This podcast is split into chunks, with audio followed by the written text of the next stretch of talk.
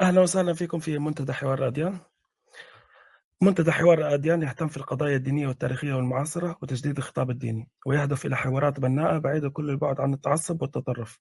لا نبشر ولا نهدف لتغيير الإنسان دينه وندعو للحوار وتقبل الآخر والتعايش وندعم حقوق الإنسان. آه آه تفضلي ربا. آه عرفي بالضيف تفضلي آه، مساء الخير عليكم جميعا وبدي أرحب بضيفنا العزيز آه، هشام نستك وأنا اليوم بدي أحكي عن نبذة عن حياته. آه، ولد هشام نستك في مدينة تازا عام 1976 وتوفي والده وهو في سن مبكرة فنشأ يتيما. وربته أخته في مدينة القنيطرة وانضم في سنوات مراهقته إلى تنظيم جماعة العدل والإحسان الإسلامي. ثم انضم إلى حركة الوحدة والإصلاح الإسلامية في المغرب. ثم سافر إلى ألمانيا في منتصف تسعينات القرن العشرين لدراسة الأدب الألماني. وهناك اضطر إلى الإقامة في مسجد بمدينة هايلبرغ لعدم قدرته على دفع إيجار مسكنه وأصبح متطرفا دينيا بسبب تعامله المستمر مع المتطرفين والمجاهدين الإسلاميين الذين دفعوه بعد ذلك إلى السفر مرتين للانضمام إلى صفوف المجاهدين الإسلاميين في البوسنة والهرسك خلال حرب البلقان إلا أنه لم يشارك في القتال. ترك هشام نوستك بعد ذلك الإقامة في المسجد وسافر إلى فرانكفورت والتحق بإحدى الجامعات المسيحية مما سمح له بدراسة الديانة المسيحية وتاريخها ومقارنة بما عرفه بالفهم الإسلامي للمسيحية والذي يتناقض بحسب رأيه مع الأدلة التاريخية المتعلقة بأصل المسيحية وتطورها مما انتهى به إلى التشكيك في جوانب أخرى من الإسلام مثل أخلاقيات الشريعة الإسلامية ومسألة السبي وحد الردة وما إلى ذلك. حصل هشام نستك على درجة الماجستير في علم اللغة ثم سافر إلى كندا بعدما رفضت الحكومة الألمانية طلبه للحصول على الجنسية الألمانية ثلاث مرات. أوكي كتب هشام كتب تفضل هشام نوستك عددا من المؤلفات التي اتسمت بطابع السيرة الذاتية. آه، جميعها آه، كتبت باللغة الدارجة المغربية. منها مذكرات كافر مغربي صدر عام 2019 عن دار الوطن للنشر بالدار البيضاء وترجم إلى اللغتين الإنجليزية والفرنسية. وهو بمثابة سيرة ذاتية للمؤلف يسرد فيها جوانب من طفولته وحياته في ألمانيا وتركه للدين الإسلامي. حوارات مع المسلم اللي ساكن فيها صدر عام 2020 عن دار التوحيدي للنشر. يطرح الكتاب سيرة, سيرة شبه ذاتية للمؤلف يسافر فيها عبر الزمن ليواجه نفسه في الماضي قبل أن يترك الإسلام ويناقش موضوعات مختلفة مع نفسه. كما أعلن هشام نوستك أنه يعتزم نشر كتابين جديدين أحدهما عن فلسفته العدمية البرغماتية والآخر عن المسيحية. البرامج حوارات هشام برنامج حواري قدمه هشام نوستك عبر قناته على موقع يوتيوب والتقى فيه عدد والتقى فيه بعدد من الشخصيات لمناقشة عدة موضوعات في الأديان والسياسة. قبسات من حياة الأنبياء بثه هشام نوستك عبر قناته على موقع يوتيوب وهو سلسلة من مقاطع الفيديو التمثيلية الساخرة التي تقدم مواقف من حياة الأنبياء قبسات من حياة الرسول. بثه هشام نوستك عبر قناته على موقع يوتيوب وهو سلسلة من مقاطع الفيديو التمثيلية الساخرة التي تقدم مواقف من حياة الرسول. مائدة الأنبياء وهو برنامج رسوم متحركة عرضه هشام نوستك عبر قناته على موقع يوتيوب خلال شهر رمضان عام 2019 آه الآن حنعطيكم قانون. طبعا هاي غرفة خاصة؟ آه قانون الغرفة حتحكي لكم إياه فابيولا أو يعني آه عشان ما في حدا يزعل. آه تفضل فابيولا. شكرا عليك. شكرا زنقط آه، مساء الخير. عليكم مرة تانية. الحقيقة إنه طبعا في وقت مش مش محدد. بالظبط لكن في البداية إحنا هنسمع هشام بحسب اللي هو عايز يقوله. وبعدين هنفتح باب الأسئلة لل على الموجودين على ال panel. كل شخص ليه سؤال واحد آه، عشان الوقت وكمان لأننا مش هنقدر نصعد آه، عدد كبير وهنضطر نقفل ال hand فإحنا آه، هنتلقى أي أسئلة من ال audience عن طريق ألكسندر إم بي إف وأنا. وما بين آه، كل شخص وشخص آه، لو وصلتنا أسئلة هنقول السؤال وهيكون في وقت للإجابة عليه. آه، بالطبع لهشام الحق. لو في سؤال غير لائق إن هو يمتنع عن الإجابة من غير ما يقول أسباب. أعتقد هنبتدي. ألكسندر هيمشي الدور. للمرة الثانية بنعتذر إنه مش هنقدر نطلع عدد كبير على ال panel لكن من اللحظة دي هنبتدي نستقبل أسئلتكم آه مكتوبة. شكرا. تفضل ألكسندر الآن كلمة عند هشام. أنا حابين نسمع هشام. نحن يعني عرفنا فيه ونتمنى إنه هشام يكون موجود معنا دائما بالكلوب هاوس. بنحب آه نقول لك إنه أنت يعني أحد التنورين اللي أثروا في حياة اللادينيين العرب فعلا بالذات آه بالمغرب العربي. أنا من ليبيا وكنت دائما يعني أسمعك على البالتوك وأسمعك في كل مكان. آه، حابب أعطيك free mic تتكلم ونعرف عنك أكثر والمعلومات اللي قلناها هل هي صحيحة ولا لا. تفضل. آه شكرا عزيزي. شكرا للمقدمة الرائعة التي لا لا أستحقها. أحسست كأني آه، مشهور من المشاهير. رغم أنني لا أقدم شيئا يعني أشكر عليه. آه شكرا عزيزي إسكندر وشكرا لكل الإخوة. شكرا على هذه الدعوة الجميلة. آه ربي اشرح لي صدري ويسر لي أمري. لا لا تقلقوا. فشكرا شكرا وأريد كذلك أن أعتذر لأنني لا أتواصل كثيرا مع الإخوة المشارقة أو غير الناطقين بالدارجة دارجة شمال إفريقيا. هذا اعتذار لكن أظن أنه كررته كثيرا فمعروف أنه ليس مقصود. لكن فعلا نحن في حاجة للتواصل مع الناس مع مع الشعوب بلغتها الدارجة حتى تصل الأفكار. فهو غير مقصود. يعني أنا لا أقصي الجانب يعني جانب الإخوة في في المشرق. وإن سنحت الفرصة للقاءات مثل هذا اللقاء فأنا دائما آه، أوافق وبكل بكل فرح بكل ود. فكل ما قيل آه، يعني تقريبا 100% صحيح. هناك بعض الأشياء ربما تحتاج تصويب أو تصحيح لكن آه، في أغلبه جيد. فللإشارة في مسألة الأسئلة أنا لا أتحرج من أي سؤال كيفما كان فأي سؤال ممكن أن يطرح وليس هناك أي أي إشكال عزيزي. تفضل معك الوقت ممتاز. آه، أنا حابب كمان أسأل هل أبو كليبة موجود كمان؟ هو أبو كليبة مثل مثل الجان يعني يتم تحضيره. ممكن ان ممكن أن نخرجه من ال... من السرداب. ممكن أن يحضر إن شاء الله. أوكي جميل. أه, آه، حبدأ الأسئلة. تفضل بس إذا عندك سؤال تفضل. اولا تحياتي لكم جميعا لكل المستمعين. أخي وصديقي الأستاذ هشام مستك اتشرفت بيه في لقاءين من قبل في قناة الفكر الحر. و... باسم الصوت. الصوت كده مسموع؟ آه ظبط الصوت. شيل المايك يمكن المايك تعبان. معلش بتكلم من اللابتوب. كده الصوت جيد؟ إيه هيك أحسن. تمام. آه، تحياتي لكم جميعا. النهارده بعتبر يوم مميز جدا. آه، الأستاذ هشام مستك موجود وقلما ما نجده ونسمعه باللغة العربية أو باللغة المشرق. فسعيدين جدا بوجوده معنا آه، أنا اتشرفت بلقائين مع الأستاذ هشام مستك على قناة الفكر الحر قناتي. وبصراحة شخصية رائعة جدا.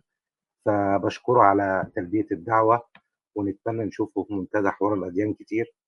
بس كنت حابب أسأل الأستاذ هشام مستك آه، هل هدفنا هد الدين أم التعايش؟ شكرا. هذا سؤال سؤال مهم جدا. وأظن أن الكثير من من الشباب يسقطون في هذا في هذا الفخ فخ محاولة هدم الدين. والهدف طبعا ليس هو محاولة هدم الدين الهدف هو التعايش. وإذا أردنا تعايشا آه، حقيقيا فيجب أن نتكلم عن النصوص الدينية التي هي ضد التعايش. فهذا التركيز يجب أن يكون على هذه النصوص التي هي ضد التعايش لنظهر الإشكال الموجود. فأكيد أن الكثير من المتدينين يريدون التعايش. أغلب المسلمين أو المؤمنين عموما هم مع التعايش السلمي. هم ليسوا لا يريدون ارهابا ولا يريدون تطبيق شريعة إسلامية فهم مع التعايش. فالتركيز يجب أن يكون على التعايش وليس على هدم الدين. فمسألة الدين هي مسألة لا تهم إذا كان الأمر يتعلق بالإيمان بأشياء. فالمسلم مثلا الذي يؤمن بمعجزات أو يؤمن بحياة بعد الموت هذا أخي في الإنسانية يعني لا هو هو لا يريد قتلي لا يريد تطبيق شريعة أو تطبيق قوانين تضطهدني أو تتعرض لي بالأذى. فهذا أخي في الإنسانية. يريد العيش الكريم يريد أن تكون أن يكون الدين مسألة خاصة مسألة شخصية. تهم الشخص في يعني في علاقته مع ما يؤمن به. فهذا شيء جيد. فالهدف يجب أن يكون دائما هو التعايش وليس هدم الدين. طبعا أنا أعلم أن الإنسان عندما يترك الدين يكون هناك جانب من من الحماس. وكأنك كنت في غيبوبة. كنت في كابوس ثم استيقظت منه. فأنت تحاول أن تبين للناس خطر الدين. خطر الدين على الأطفال خطر الدين على المجتمعات خطر الدين على الإنسان عموما على البشرية جماعة لكن هذا الحماس قد يقودنا إلى أن نصبح يعني نكره الأديان ونريد أن نزيلها من الوجود. وهذه طبعا مقاربة غير سليمة. المقاربة السليمة هي أن الأديان هي جزء من الموروث الإنساني. جزء من الثقافة. فلا يمكن أن تنزع هذا الجزء من الموروث الإنساني.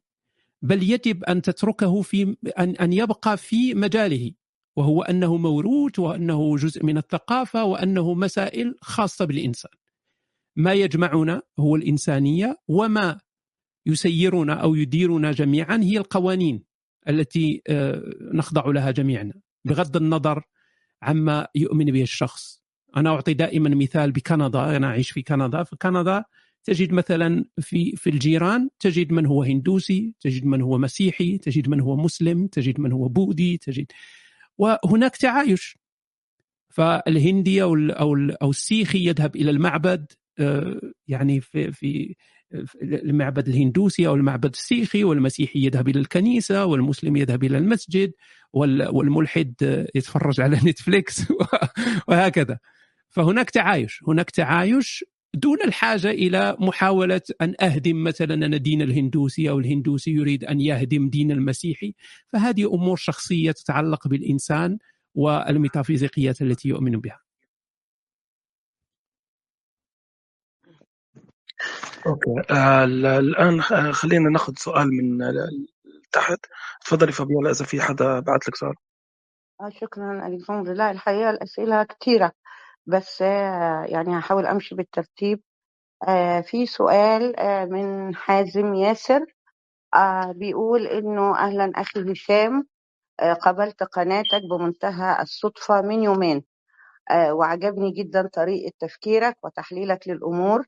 حابب أعرف ما هي أول فيديوهاتك أو تسجيلاتك المتاحة على الموقع أو اليوتيوب؟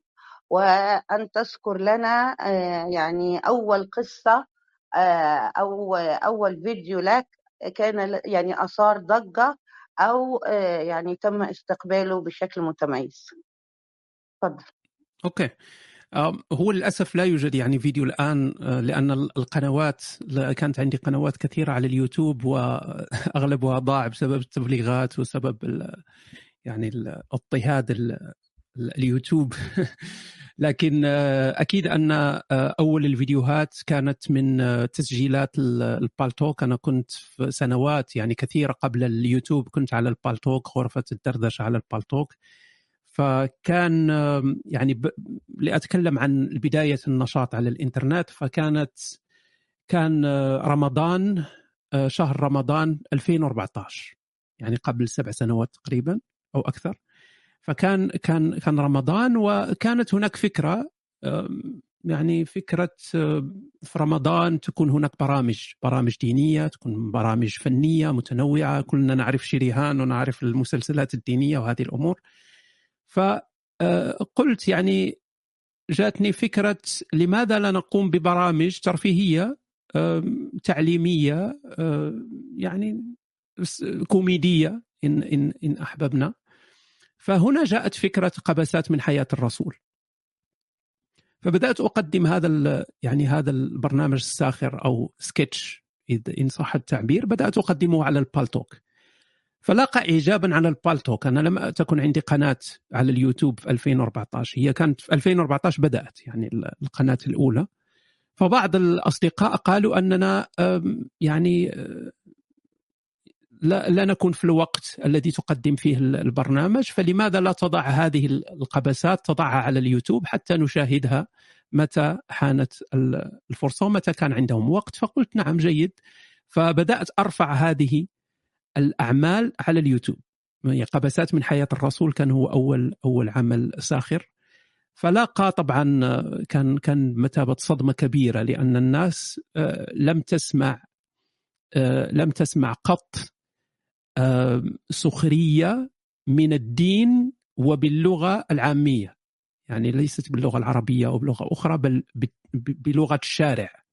فأن تسمع مثلا الرسول يتكلم بلغة الشارع. تسمع عمر يتكلم بلغة الشارع. فهذا الشيء صادم. بل هو صادم كان صادما حتى بالنسبة لغير المسلمين. وكانها خطوط حمراء لا نستطيع تجاوزها. فهذا كان هو أول أول عمل. وبعد ذلك جاءت سلسلات أخرى مثل قبسات من حياة الأنبياء مائدة الأنبياء. ربما جاءت في وقت متأخر. وكثير كثير من الأعمال الساخره والأعمال الأخرى. فهذه كانت البداية. آه، أمل. تفضل أمل.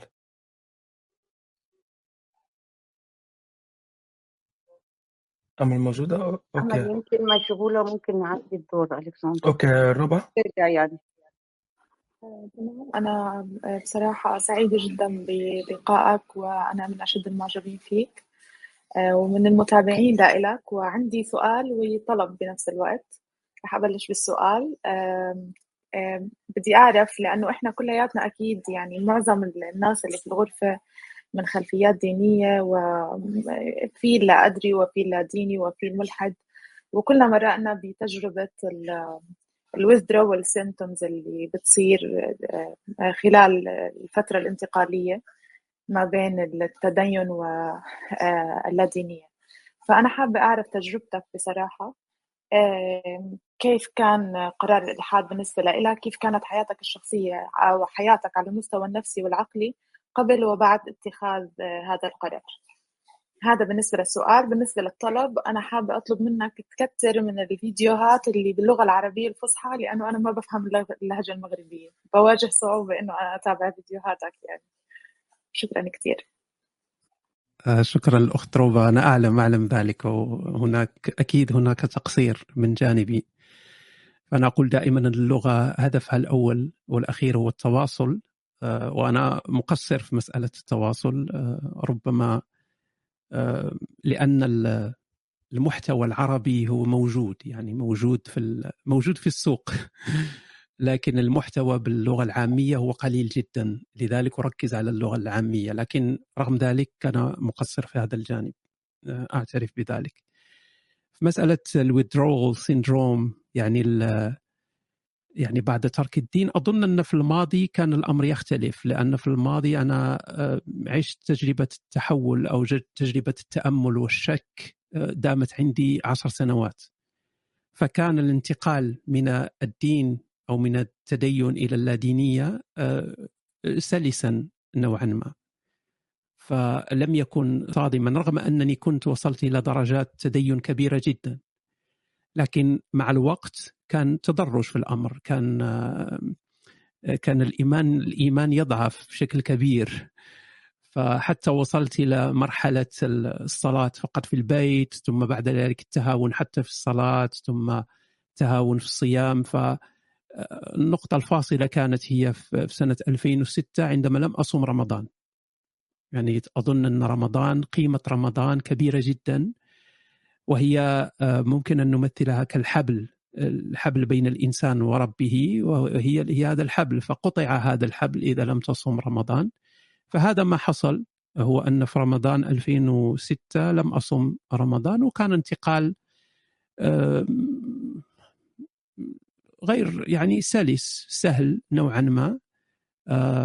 كانت فقط مسألة وجود الرب أو وجود سبب للكون هي التي بقيت عالقة بذهني أفكر فيها. أما مسألة الإسلام أنا يعني كنت متأكد مقتنع وما زلت بأن مقتنع باستحالة وجود إله إبراهيمي استحالة وجود إله إبراهيمي أما فيما يتعلق بسبب للكون هل للكون سبب؟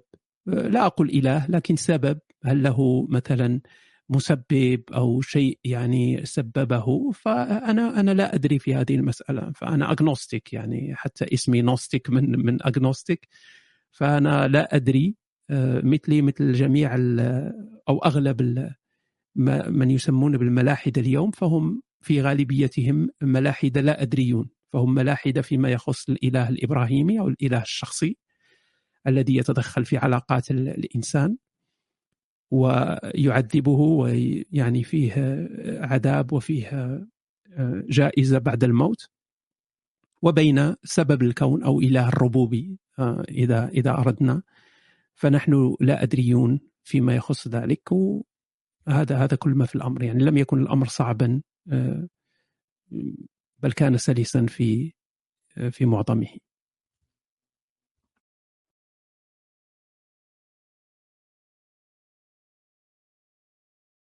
تمام. آه طيب ممكن ناخد آه سؤال من الأسئلة اللي جات لنا. آه معانا أنوبيس سما بيقول لك لماذا لم تعد كافر مغربي؟ آه وأصبحت هشام نستيك بمعنى أنك لم تعد تنتقد الإسلام بجرأة وغيرت كلية من آه قنواتك. تفضل صراحة أنا لم أغير كثيرا هو تغير الاسم صحيح. أظن أن كافر مغربي أدت دورها. أدت دور يعني يجب أن نفرق بين بين الأزمنة. ففي بداية يعني في 2000 و 2014 أو حتى قبل كانت كان اسم كافر وكافر مغربي ربما صادم. فاليوم مسألة الكفر أصبحت مسألة عادية نسبيا هو أن هناك ناس لا يؤمنون. في القديم كنت إذا قلت أنا لا لست بمسلم أو أو خرجت من الإسلام يتم اتهامك فورا بأنك يهودي أو صهيوني لم تكن مسلما قط وأنت تكذب ولا يوجد مغاربة كفار لا يوجد مغاربة مرتدون. فأظن أن الدور قد ادته أداه هذا الاسم يعني كافر مغربي. فانتهى انتهت صلاحيته. ما زلت أسمي نفسي كافر مغربي ليس عندي حرج من هذا من هذا الاسم لكن أظن أنه ادى أدى دوره. أما فيما يخص الأعمال فالأعمال الذي تغير هو أنه كان يعني قللت من الأعمال الساخرة. أما الأعمال بقيت هي على ما هي. فمنذ البداية كنت أقدم برامج متنوعة وما زلت أقدم برامج متنوعة. لم يتغير كثيرا الأمر. تفضل. آه، أوكي. ام بي اف تفضل ام بي اف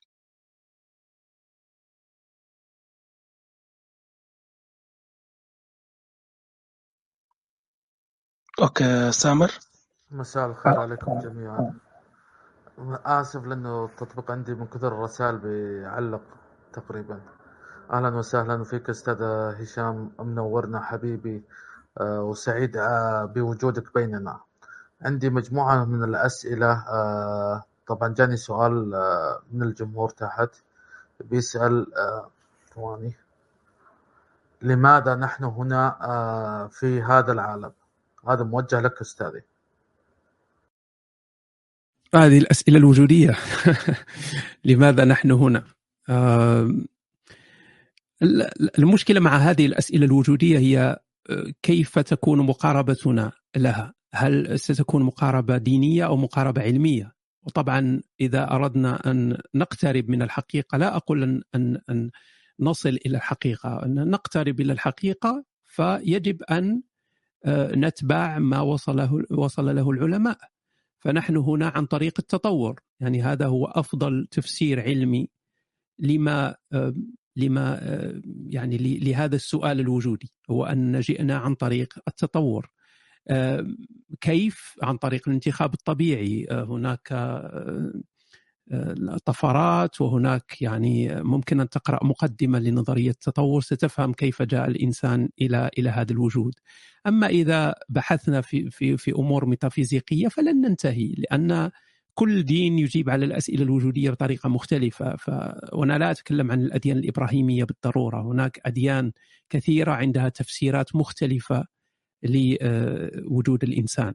فلماذا نحن هنا؟ ممكن أن نجيب عليها بطريقه علمية وسنقترب من الحقيقة أو نجيب عليها بطريقه ميتافيزيقية ستعطينا بعض الراحة النفسية لأننا سيكون عندنا جواب قاطع لماذا نحن هنا؟ لأن الله اختار أن يخلق الإنسان ويعني إذا جبنا عليها بطريقة الإله الإبراهيمي لكن لن نقترب من من من الحقيقة بل سنرتاح فقط. تفضل عزيز.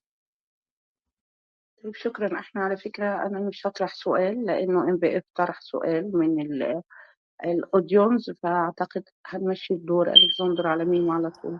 آه سامر آه تفضل سامر. سامر okay. شكرا. بس أعتقد مين قبلي؟ مين آه لا مين مشغول؟ مين مشغول؟ أول ما يكون فاتح أعطيه الدور. يا سامر تفضل آه. عندك. okay. طيب شكرا شكرا إسكندر. آه، أرحب آه، بالجميع ومساء الخير على الجميع. تحياتي لك أستاذ هشام. أتمنى أن تكون بألف خير صحة وعافية عزيزي. وأفضل حال طبعا. آه، سؤالي أستاذ هشام. آه، آه، يعني متواجد في يعني بهذه المنصة هل مستعد تكون على حوارات أو نقاشات يعني على ال- الكلاب هاوس؟ ولا لأن إحنا محتاجيك بصراحة يعني. شكرا جزيلا عزيزي صراحة لم أسمع جيدا السؤال عزيزي فهل كان انك آه نعم تفضل. سؤال آه سؤاله كان آه هل يمكن إنه أنت تعمل نقاشات حوارات في الكلوب هاوس؟ ممكن لكن بتحفظ. أنا يعني حتى أكون صريح معك لا يعجبني كثيرا الكلاب هاوس لأنني أحب التواصل مع الناس أحب كذلك التواصل بال- بالكتابة. يعني أن الناس تعلق مثلا أنا أتكلم والناس تعلق فأستطيع التواصل in real time كما يقال. لكن إذا كان هناك كيف عزيزي؟ أعد. عندك فيسبوك أو تويتر حتى نتواصل معك أستاذي آه نعم يعني ال- في ال- في حوارات أو في ال- نعم عادي جدا يعني فيسبوك أو تويتر أنا لا لست نشيط على تويتر لكن أكيد الفيسبوك أو اليوتيوب آه، طبعا. تفضل عزيزي. شكرا شكرا وآسف على الإطالة ولا يهمك. فابيولا تفضلي. آه سؤالك الشخصي إذا حابة. عندك آه، فرصة. آه، يعني هخليني في الآخر لأنه أسئلة الناس كتير على الحقيقة. طيب أنا معايا دكتور إيه أب بيقول أنتم تعرفون أن تغيير مفاهيم شعب وخاصة من الناحية العقائدية أمر يتطلب سنوات من الحروب الفكرية. وهذا التغيير كما نعرف عن الإسلام أصبح ممكنا باللجوء إلى الغزوات. وطريقتكم على ما أظن إن اتجهت صوب المسلم المسلمين التائبين ال- الثابتين والمتمسكون بعقيدتهم بقوة لن تزيد طريقة السخرية من دينهم إلا تعصبا وتمسكا وكراهية وهذا لن يكون مشروع آه، يعني للتعايش. نعم أنا أنا أتفق لكن جزء جزئيا مع ما قيل. أم، المشكلة هي في نسبة السخرية. هل آه، يكون نقد الدين هو فقط بالسخرية دائما؟ لا أظن أن هذه هي الطريقة الصحيحة. لكن لا يجب أن نقصي السخرية تماما. فالسخرية لها دورها ولها قيمتها لها مفعولها. لكن يجب أن تكون في آه، الوقت والمكان المناسب وبنسبة مناسبة. آه، لا تكون هي التي تطغى على مجال مجال نقد الأديان. ونحن لا نحاول على الأقل أظن أن أغلب يعني جحافل الكفار. لا لا, لا نحاول أن نغير دين الناس أو ننزع الدين أو العقيدة من الناس. الهدف هو التعايش. الهدف هو أن لا يأخذ المؤمن دينه بجدية أكثر من اللازم فيصبح خطر على نفسه وخطر على محيطه. هذا هو الهدف. فليس هناك أي إشكال مثلا مع شخص مسلم يسمي نفسه مسلم منفتح أو مسلم علماني. وأغلب المسلمين هم هكذا. يعني إذا سألت المسلم يقول لك أنا لا أنا لك لكم دينكم ولي دين. أغلب المسلمين يقولون هذا الأمر. بل حتى يعني إذا ذكرت أحاديث الردة أو ذكرت أحاديث أو نصوص الجهاد أو ذكرت هذه النصوص اللي فيها مشاكل فغالبا المسلم ينكر هذه النصوص. يعني أغلب المسلمين يقول لك لا هذه ليست من القرآن ليست ليس هذا هو الفهم الصحيح. الإسلام هو دين سلام وتعايش والمسيحي واليهودي يعيش في ظل الإسلام معززا مكرما وكل هذه الأمور. فهذا الإنسان هو بطبعه يريد التعايش. يريد التعايش لا يريد تطبيق الشريعة الإسلامية لا يريد قطع أيادي وأرجل ولا يريد جلد ورجم في في الأسواق. لا يشمئز من من مما يشاهده في, في الإعلام عن أفغانستان وعن داعش ويقول هذا ليس من الإسلام فهو بطبيعته يريد التعايش. فنحن لا نحتاج أن ننزع هذه العقيدة أو أو أو هذا الدين عن هذا الإنسان. لا ممكن أن يعيش بدينه وبعقيدته وبكل الأمور ما دام هو يريد التعايش. فنحن نبحث عن ال... عن عن قاعدة تجمعنا. ليست قاعدة بن لادن نبحث عن قاعدة تجمعنا جميعا.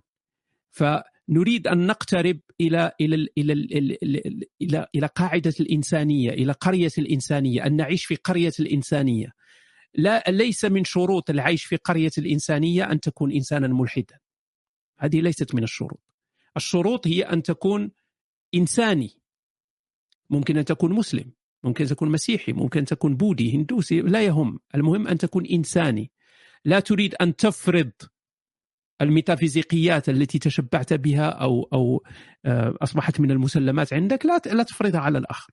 بل تكون مسألة شخصية. صلي صلاتك صم صيامك. لكن في التعامل مع الآخر يكون تعامل مبني على قيم الإنسانية وقيم الأخلاق الكونية المعروفة ومبني على القوانين الوضعية التي تسير الحياة. هذا كل ما في الأمر. أوكي سارة. سارة سارة.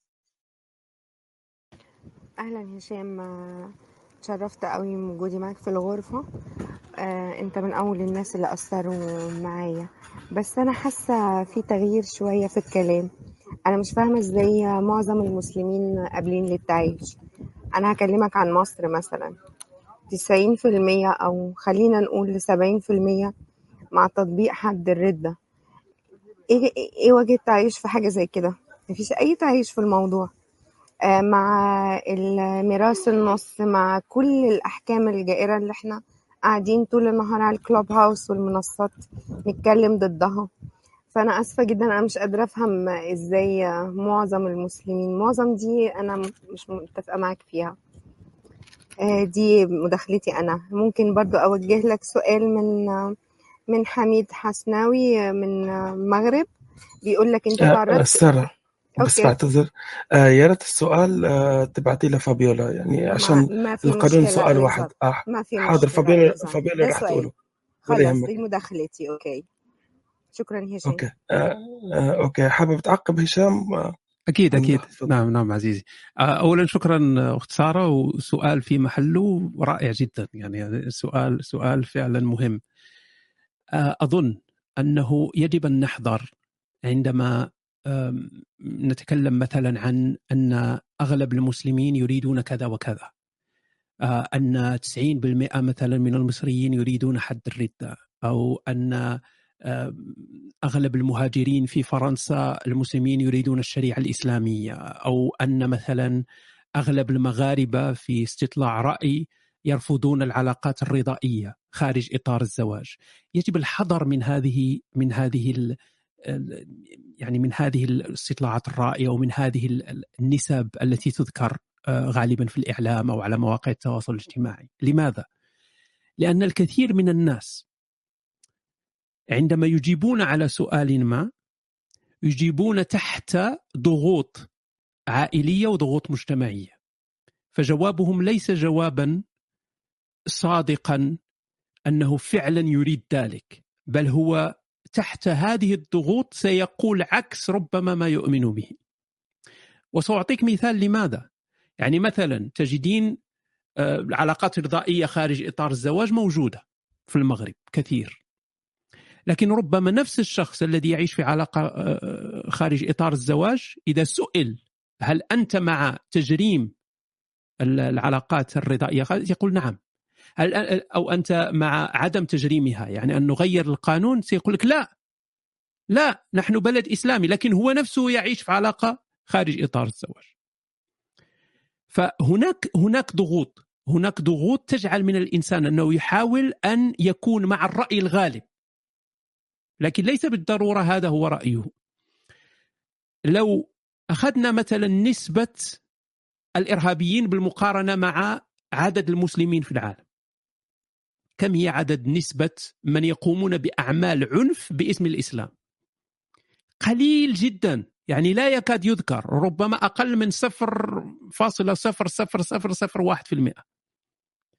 فهذا ما ما يدل عليه هذا هو أن ليس كل المسلمين بل الأغلبية الساحقة من المسلمين لا يريد الاستشهاد في سبيل الله لا يريد الذهاب للجهاد لا يريد قتل الكفار لا يريد لا يريد لا يريد. نعم قد يفرح مثلا إذا كان هناك يعني قتل مثلا في إسرائيل أو شيء لأسباب عاطفية. لكن يجب الحذر. أنا لا أقول أنني عندي عندي النسب الحقيقية. يجب فقط الحذر من هذه الضغوط المجتمعية. دليل آخر على أن الأمر يختلف عن الواقع هو أن مثلا أنا قمت بحوارات كثيرة ربما مئات الحوارات في ال في, ال في الإنترنت وحتى في الواقع ومناظرات وكل الأمور ربما آه، نسبة أقل من واحد في المئة من المسلمين يتفقون مع نصوص دينهم. بل أغلبهم ضد. يعني أي موضوع أثرناه الآن ستجد أن المسلم ضده يعني جميع الأمور اللا اخلاقيه تكلم مثلا عن زواج الصغيره ستجد أغلب المسلمين ضد. تكلم عن الرجم ستجد أغلب المسلمين ضد. تكلم عن قتل المرتد أغلب المسلمين ضد. يقول لك هذه أحاديث وهذا ضعيف وهذا فيه كذا وهذا فيه هشام بن عروة وهذا فيه. ف فهم لو لو يعني لو سئل المسلم وأجاب حقيقة سيتمنى سيتمنى لو لم يكن لو لم تكن هذه النصوص في دينه. سيتمنى ذلك. ترهقه هذه النصوص لا يحبها هذه النصوص فهو ليس بمتعطش للدماء. المسلم ليس بمتعطش للدماء لا يحب أن تذكر له مثلا جهاد الطلب هو لا يحب ذلك. هو هو يود أن يكون الإسلام هو دين يدافع عن نفسه لا يهاجم الآخر. لا يحب الغنائم لا يحب يعني ملك اليمين واغتصاب النساء لا يحب ذلك. بطبعه الإنسان بطبعه لا يريد ذلك. بل يريد يريد السلم يريد السلام يريد حياة حياة كريمة. فالمسلم يريد نفس الشيء الذي نريده نحن كذلك. المشكلة هو أن في نصوص هذا الدين أشياء تؤثر على أخلاق هذا الإنسان. هذا هو المشكل. أنا عندما كنت مسلما كانت معايير أخلاقي مختلة مختلة تماما لأنها كانت مبنية على الحلال والحرام والمستحب والمكروه. هذا هو الخلل. الأخلاق يجب أن تكون مبنية على المضرة والمنفعة. هذه هذه هذه القاعدة الصحيحة للأخلاق وليس الحرام والحلال لأن ممكن أن يكون عندك حلال. في الإسلام مثل ملك اليمين مثلا أو الحدود الهمجية المعروفة وتكون حلال. يعني يصبح حلالا أن تشتري الناس وتبيع الناس في الأسواق. يصبح حلالا يصبح اخلاقيا لأنه حلال. فهذه قاعدة غير جيدة. فكل ما أقوله اختصارا هو أن يجب أن نحذر لأن إذا لم نتعامل بحذر مع هذا الأمر سنسقط في فخ ال ال ال ال ال الإرهابي.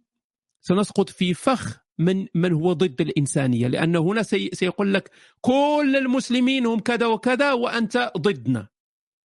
فهو يجر يعني سيحاول جر كل المسلمين إلى جانبه ونصبح الآن في حرب كافر ضد مؤمن ديني ضد لا ديني نحن لا نريد ذلك. نحن نريد قرية يعيش فيها المسلم والمسيحي والملحد واللا أدري والمجوسي وكل لكن القاعدة تكون هي قاعدة الإنسانية. لا يهمنا الإيمان لا يهمنا آه، ما تفعله من طقوس ما يهم هو أنني أستطيع أن أتعايش معك على قاعدة الإنسانية والقوانين الوضعية. وكما يقول الذين يفتون في الإسلام والله تعالى أعلم. آه شباب برجع بذكر مرة تانية. أول شيء الروم مسجل. آه تاني شيء أي شخص بده يسأل سؤال ما قدرنا نركبه يبعث السؤال لإلي أو لفابيولا أو لإم بي إف وراح تقرأه. فابيولا عندك إذا في سؤال من الجمهور. آه طبعا أكيد أسئلة. في آه حميد حسناوي آه لماذا يلحد المسلم؟ والحقيقة هو آه مكمل سؤاله بنفس التكملة اللي كانت هتقولها سارة آه لماذا يلحد المسلم؟ وهل تتعرض للابتزاز والتهديد بالتصفية في حياتك اليومية؟ السؤال الأول كان لماذا يلحد المسلم؟ أليس كذلك؟ مظبوط أوكي. مظبوط. والسؤال الثاني مشترك تكملة لسؤاله تكملة لسؤال سارة سارة ما هو السؤال الثاني مرة أخرى؟ آه هل تتعرض آه، okay. okay. والتهديد بالقتل في حياتك اليومية؟ okay okay آه بالنسبة ل... بالنسبة للسؤال الأول الأول لماذا يلحد المسلم؟ آه، أظن أن المسلم ليس بدعا من الناس وليس المسلم هو إنسان آه، ربما السؤال الأفضل كان يكون لماذا يلحد المسلم بدرجة أقل من من الأديان الأخرى. وهنا ممكن أن نتكلم عن نوعية الدين. أن الدين الذي يسيطر مثلا على حياة الناس من الطفولة ويتشبع الإنسان بأمور آه، ترهبه طيلة حياته مثلا عذاب القبر الجن الملائكة والشياطين والعفاريت وكل هذه الأمور يصعب عليه أن يخرج من هذا الدين أو يلحد. أكيد يعني تكون مسألة الخوف تكون مهيمنة. ربما أسهل بالنسبة للإنسان المسيحي أن يخرج من ان أن يلحد أو أسهل بالنسبة للإنسان هندوسي أو مجوسي أو من ديانات أخرى ان أن يلحد ربما أسهل لأن ليست هناك آه، ليس هناك هذا التهويل وهذا التخويف من الطفولة آه، لكن المسلم لماذا يلحد؟ أظن أنه كل الطرق تؤدي إلى روما كما نقول.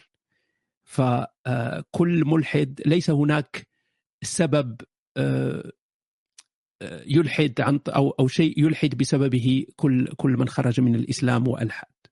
هناك أسباب متعددة، هناك من يلحد بسبب معضلة الشر، معضلة الشر يدخل فيها الإله الإبراهيمي سواء كان مسيحي أو أو أو يهودي أو إسلامي.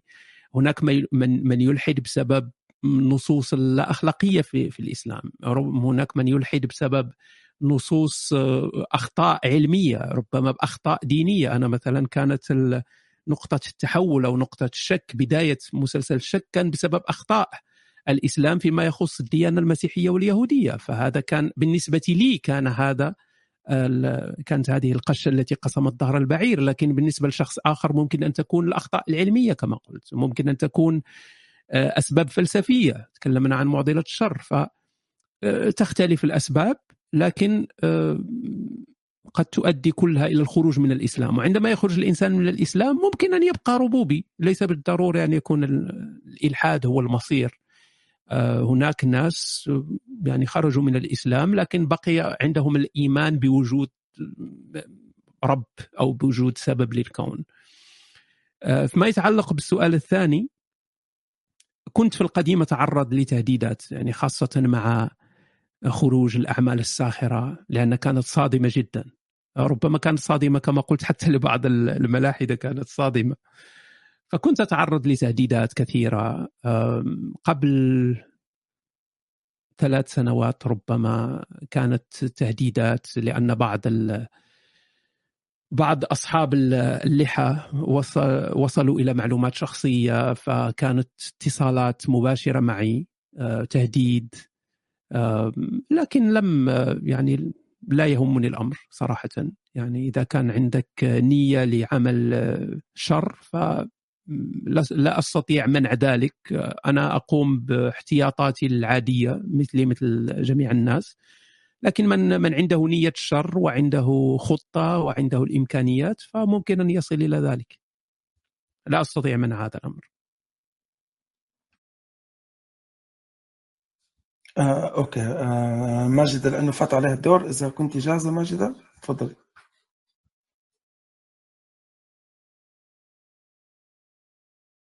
okay. آه، آه، كاسبر. تفضل كاسبر. أشكرك إسكندر وأشكر آه، أستاذ هشام على آه، تواجده معنا. طبعا أكيد أستاذ هشام كان إضافة مميزة على يوتيوب وأعتقد أنه راح يكون آه، إضافة مميزة على كلب هاوس آه، أستاذ هشام يعني أنا تابعت آه، آه، آه، البرامج اللي قدمتها حوارات هشام كان مؤثر جدا بالنسبة إلي بالإضافة للمناظرات والمقاطع الساخرة. وبعض غرف البالتوك كونها كانت غالبا بالدارجة المغربية ولكن كنت أستنبط منها يعني أفكار. آه، وظهورك على القنوات الأخرى. أستاذ هشام آه، بحسب خبرتك يعني كلا ديني عندي سؤال لك إلى أي مدى تجد أننا كلادينيين أصبحنا مقبولين بالمجتمعات العربية؟ وشو الطريقة اللي أنت بتشوفها إن إن نكون مقبولين أكثر أو مؤثرين أكثر؟ شكرا لوجودك معنا أستاذ هشام. شرفني. آه، شكرا عزيزي. أنا سعد وأنا اللي تشرفني عزيزي. آم، المشكلة مشكلة الإنسان هو أننا دائما نريد أن نحقق أهدافنا بسرعة. تبدأ مثلا دايت جديد تبدأ آه، أي شيء أو رياضة فتريد نتائج فورية. آه، كذلك هو الأمر بالنسبة للتعايش آه، التعايش لن يتحقق بين عشية وضحاها لن يتحقق بسرعة. والتعايش الذي نصبو إليه ربما لن يتحقق في حياتنا ربما سيتحقق بعد أن نموت. فالهدف هو أن نزيد من التعايش. ليس الهدف هو أن نصل إلى التعايش الذي آه، نريده بل أن نزيد في في فيه. وهذا الأمر تح- يتحقق تحقق ويتحقق. فالتعايش اليوم مع المخالف بين قوسين كما يسميه الإخوة المسلمون يعني التعايش مع المخالف أصبح أكثر. إشارات قوية على أن التعايش أصبح الآن أكثر عندما يتكلم تتكلم الصحافة يتكلم الإعلام آه، تجد كتب آه، مثل الكتب التي قدمتها في المغرب تجد كتب لناس يعني واضح يعني ليس هناك أوضح من مذكرات كافر مغربي. آه، ويعرض الكتاب في في في المعرض الدولي للكتاب في الدار البيضاء وكان إقبال عليه والناس يعني في القديم كانوا يشك يشكون كما قلت حتى في مسألة أن هناك إنسان كان مسلم وخرج من الإسلام. هذه كان بالنسبة لهم أمر غير غير معقول ومستحيل. لكن الآن أصبح الأمر عادي. هناك صحف ورقية وإلكترونية تتكلم عن الملحدين، تتكلم عن اللادينيين، تتكلم عن المسيحيين مثلا أو الذين كانوا مسلمين في الإسلام وتحولوا للمسيحية. فأصبح الأمر أصبح هناك تعايش أكثر، لا أقول أن الملحد أو أو المتحول إلى دين آخر أصبح يعيش الآن حياة كريمة في في دول بين قوسين إسلامية، لكن أصبح التعايش أكثر. اصبح التعايش أكثر وسيزيد مع الوقت. أكيد سيزيد. فنحن على الطريق الصحيح. فكيف نزيد هذا التعايش؟ نزيد هذا التعايش عندما نوسع دائرة الإنسانية. وهذا هو الخطأ الذي الذي تكلمت عنه عندما أجبت على سؤال الأخت سارة. هو أننا نلعب لعبة اللا إنسانيين عندما نفرق بين الإيمان والإلحاد ونفرق بين المتدين واللاديني. ونقول أن المتدين غبي وأن المسلم كذا وكذا وأن المؤمن كذا وكذا ونحن كذا وكذا. يعني لا نريد أن نلعب هذه اللعبة لعبة المؤمن ضد الملحد. لأنك تعطي الفرصة للا إنساني وتعطي الفرصة للإرهابي تعطي الفرصة للمجرم ضد الإنسانية أنه يأخذ هذا المسلم الذي المتعايش الإنساني الذي يريد خير, خير البشر الذي يعتبر الدين مسألة شخصية يصبح ضحية هذا الإرهابي. فنحن نلعب هذه اللعبة نلعب هذه اللعبة إذا فرقنا. يجب أن نركز على الأمور التي تجمعنا. هذه التي نركز عليها أمور التي تجمعنا. هل تريد أخي المسلم أن نعيش تحت ظل الشريعة الإسلامية. إذا كان الجواب لا فأنت أقرب مني أكثر من هذا الإرهابي الذي يريد أن يفرق بين الناس على أساس آه، الدين وال وال والإيمان والإلحاد وهذه الأمور. فهكذا سنقترب من الناس. هكذا. ألا يكون ألا يكون تركيز على مسألة الإلحاد والإيمان لأنها أصلا نقاش زائف. نقاش زائف لا يهم. لكن تجد الملتحي وعندما أقول الملتحي فأنتم تعرفون يعني من أقصد بالضبط. عندما تجد الملتحي مثلا يركز على الإيمان والإلحاد هو ليس بغبي. هذا الملتحي ليس بغيبي هو يعرف ماذا يفعل. هو يريد أن أن أن يمنع هذا التعايش. يريد أن أن يفرق بين مجموعة المؤمنين ومجموعة الملحدين الكفرة الماسونيين الممولين كل هذه النعوت التي نسمعها. ويريد لا يحب أن يكون هناك تعايش. فنحن يجب أن نعمل العكس. أن نركز على الأمور التي تجمعنا ولا يهم إن كنت مؤمنا أو ملحدا. المهم هو أنك تريد خير الإنسانية. إذا كنت مسلم وتريد خير الإنسانية أنت أخي وأنت قريب مني. الآخر هو المشكلة. لست أنت. فهذا سيقربنا أكثر للتعايش. تفضل عزيز شكرا. طيب إحنا عندنا سؤال. أينشتاين 2 لماذا وقفت سلسلة نبيل العوضي؟ أوكي. آه، هذه هذه مشكلة تقنية فقط. أنا لم أتوقف عن التعليقات على الفيديوهات لأن لسبب من الأسباب هي فقط مسألة تقنية لأن في اليوتيوب عندما تعلق على فيديو موجود في اليوتيوب فهناك دائما احتمال copyright strike دائما احتمال أن صاحب الفيديو الأصلي أنه يرسل لك إنذار عن طريق اليوتيوب. وهذه حدثت مرات ومرات. يعني اضطرتني إلى توقيف بعض البرامج. لكن مستقبلا سأحاول أن أقوم بهذه التعليقات في مواقع أخرى مثل Twitch أو أو أي موقع آخر الذي لا يمنع هذا الأمر ولا يعطي إنذارات. هذا كل ما في الأمر.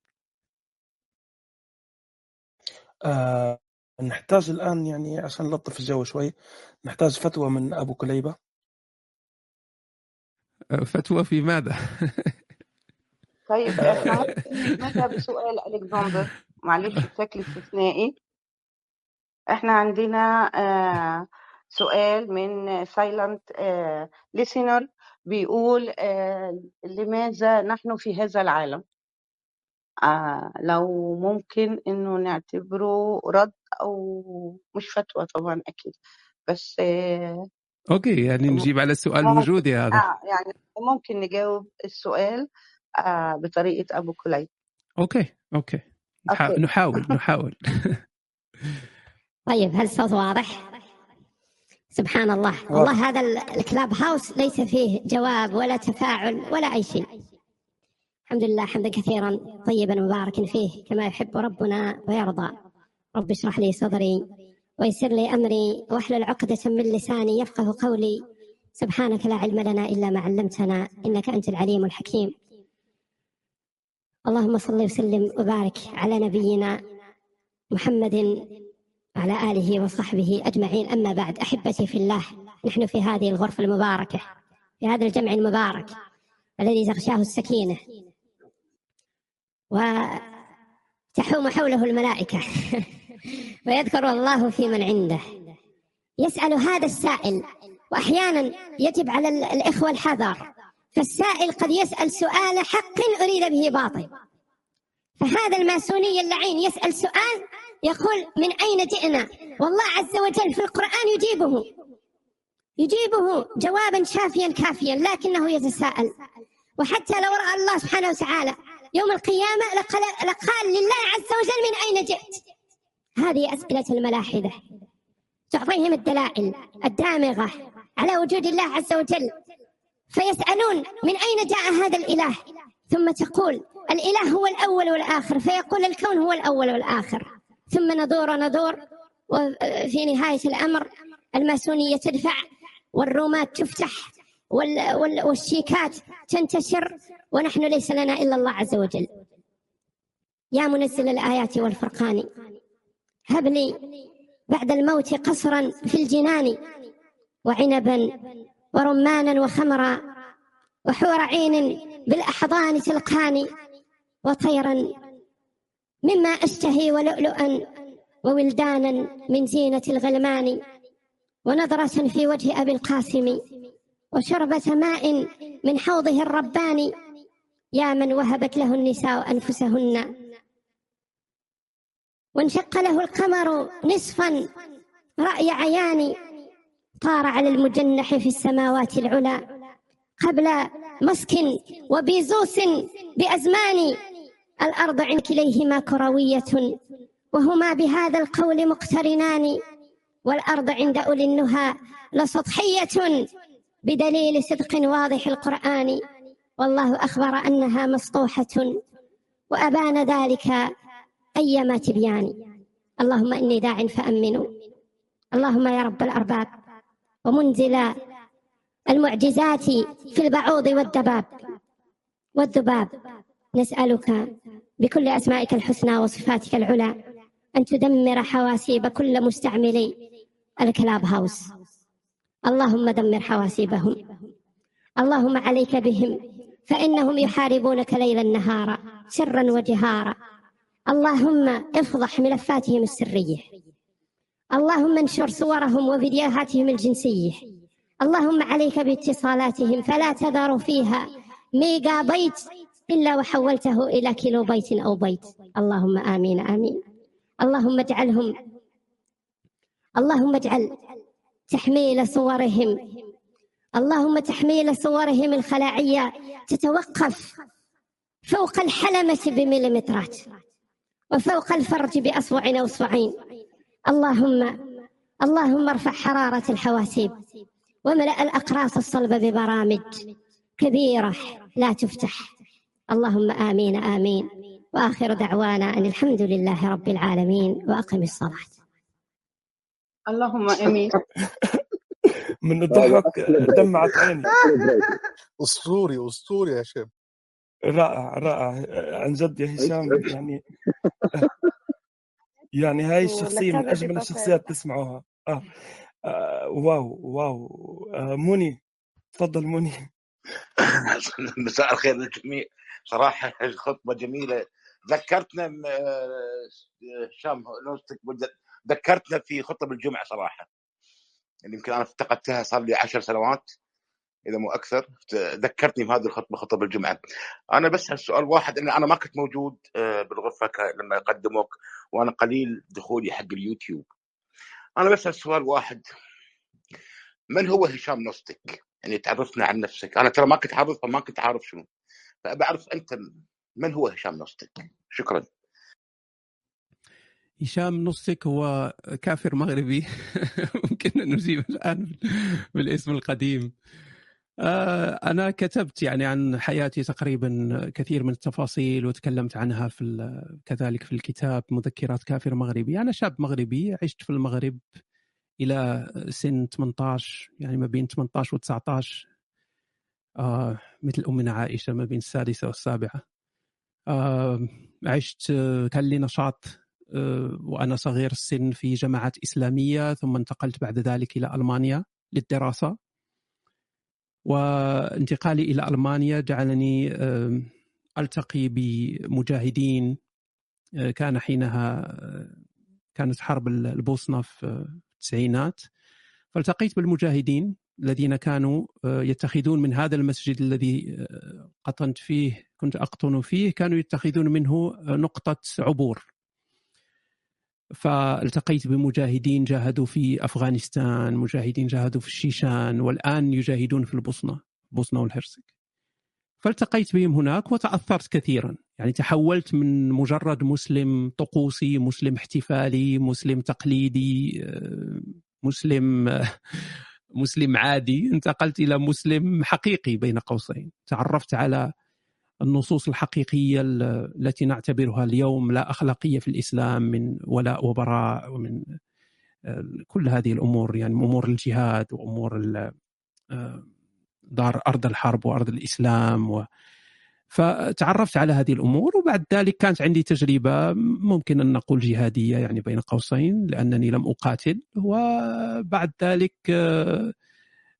عشت تجربة تأمل وشك عندما درست في الجامعة المسيحية في ألمانيا وبدأت هنا الشكوك التي انتهت بعد عشر سنوات بالخروج من الإسلام وتحولت إلى ناقد للإسلام كواجب إنساني. آه، أصبحت أنتقد الدين لأنني أظن أن الأديان عموما والإسلام خاصة سيء جدا بالنسبة للبشرية إذا اتخذت نصوصه بجدية.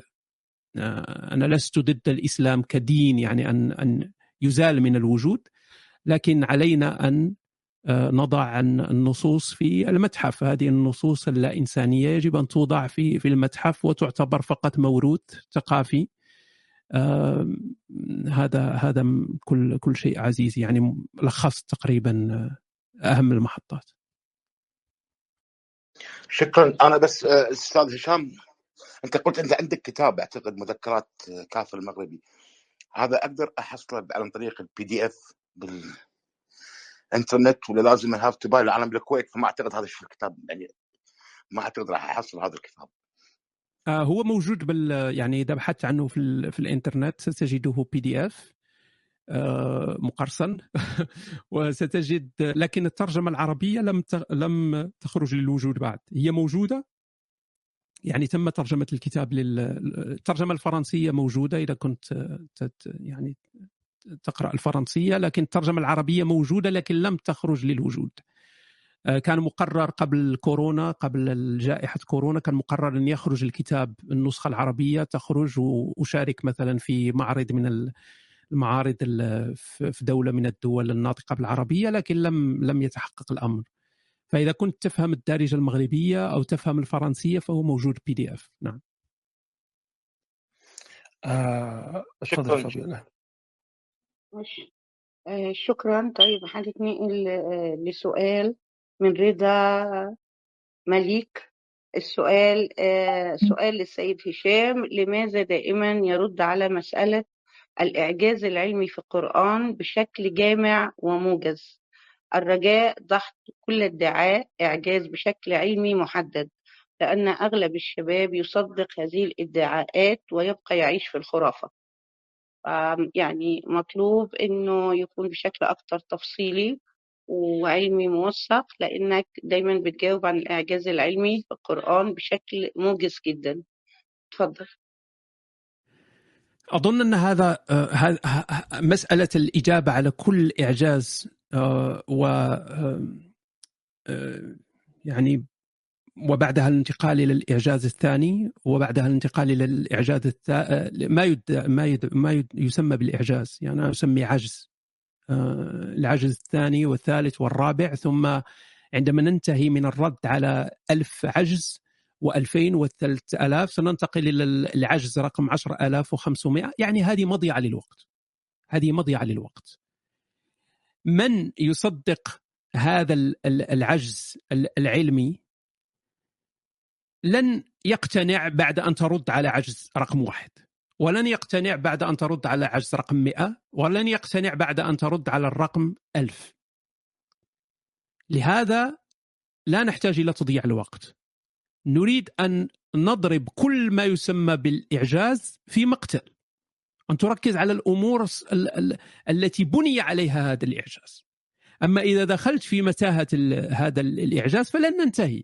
يعني حتى لو أجبت إجابات كافية شافية واضحة بينة بدلائل يعني قوية ليس عليها أي غبار. فستنتهي ثم يخبرك ال ال هذا الذي يؤمن بالإعجاز ماذا عن الإعجاز كذا وكذا؟ يعني يتركك الآن تتكلم ساعات وتعطي دلائل ثم تنتهي يقول لك ماذا عن الإعجاز كذا وكذا؟ دائما سيكون ماذا عن الإعجاز كذا وكذا. هذا الإنسان لا يريد لا يريد أن يقتنع بأنه ليس هناك إعجاز بل هناك عجز. هذا الإنسان يحتاج شيء ليبقى على على دينه يحتاج ما يؤيد دينه فسيجد دائما شيئا حتى لو رددنا على على الإعجازات.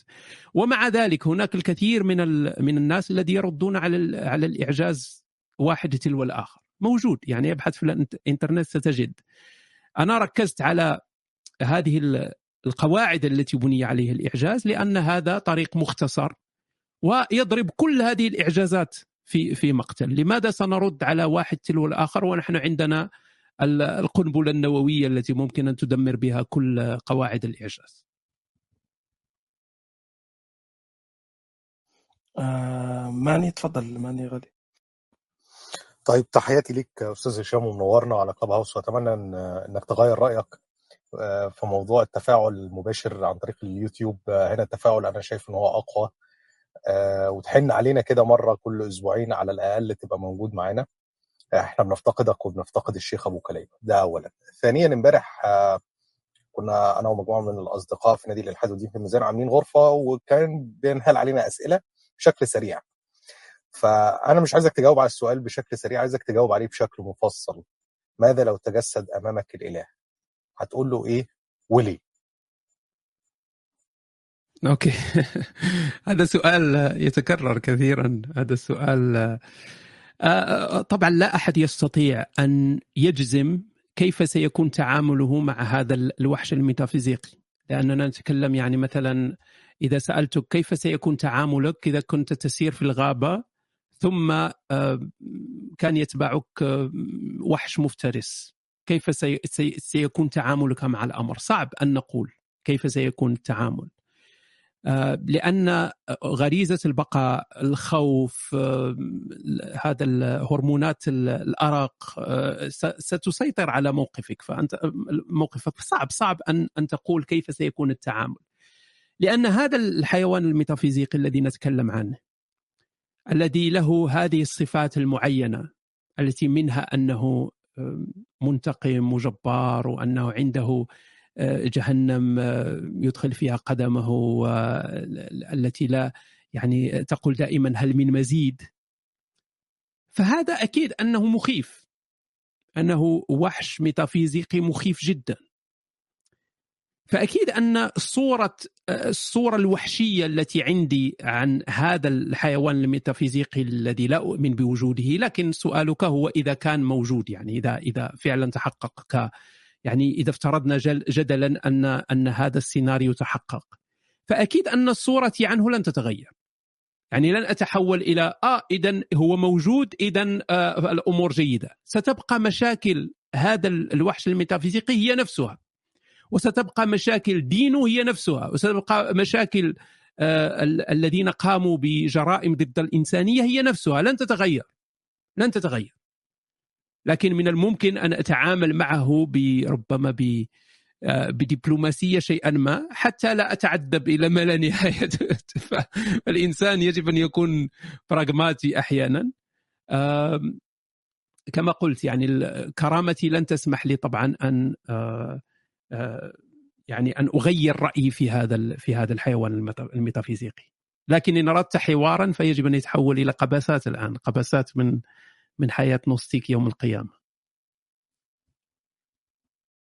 آه، okay قبل ما نروح سؤال فابيولا بس بعد حابب أعطي المايك لميم لأنه من زمان. تفضل ميم.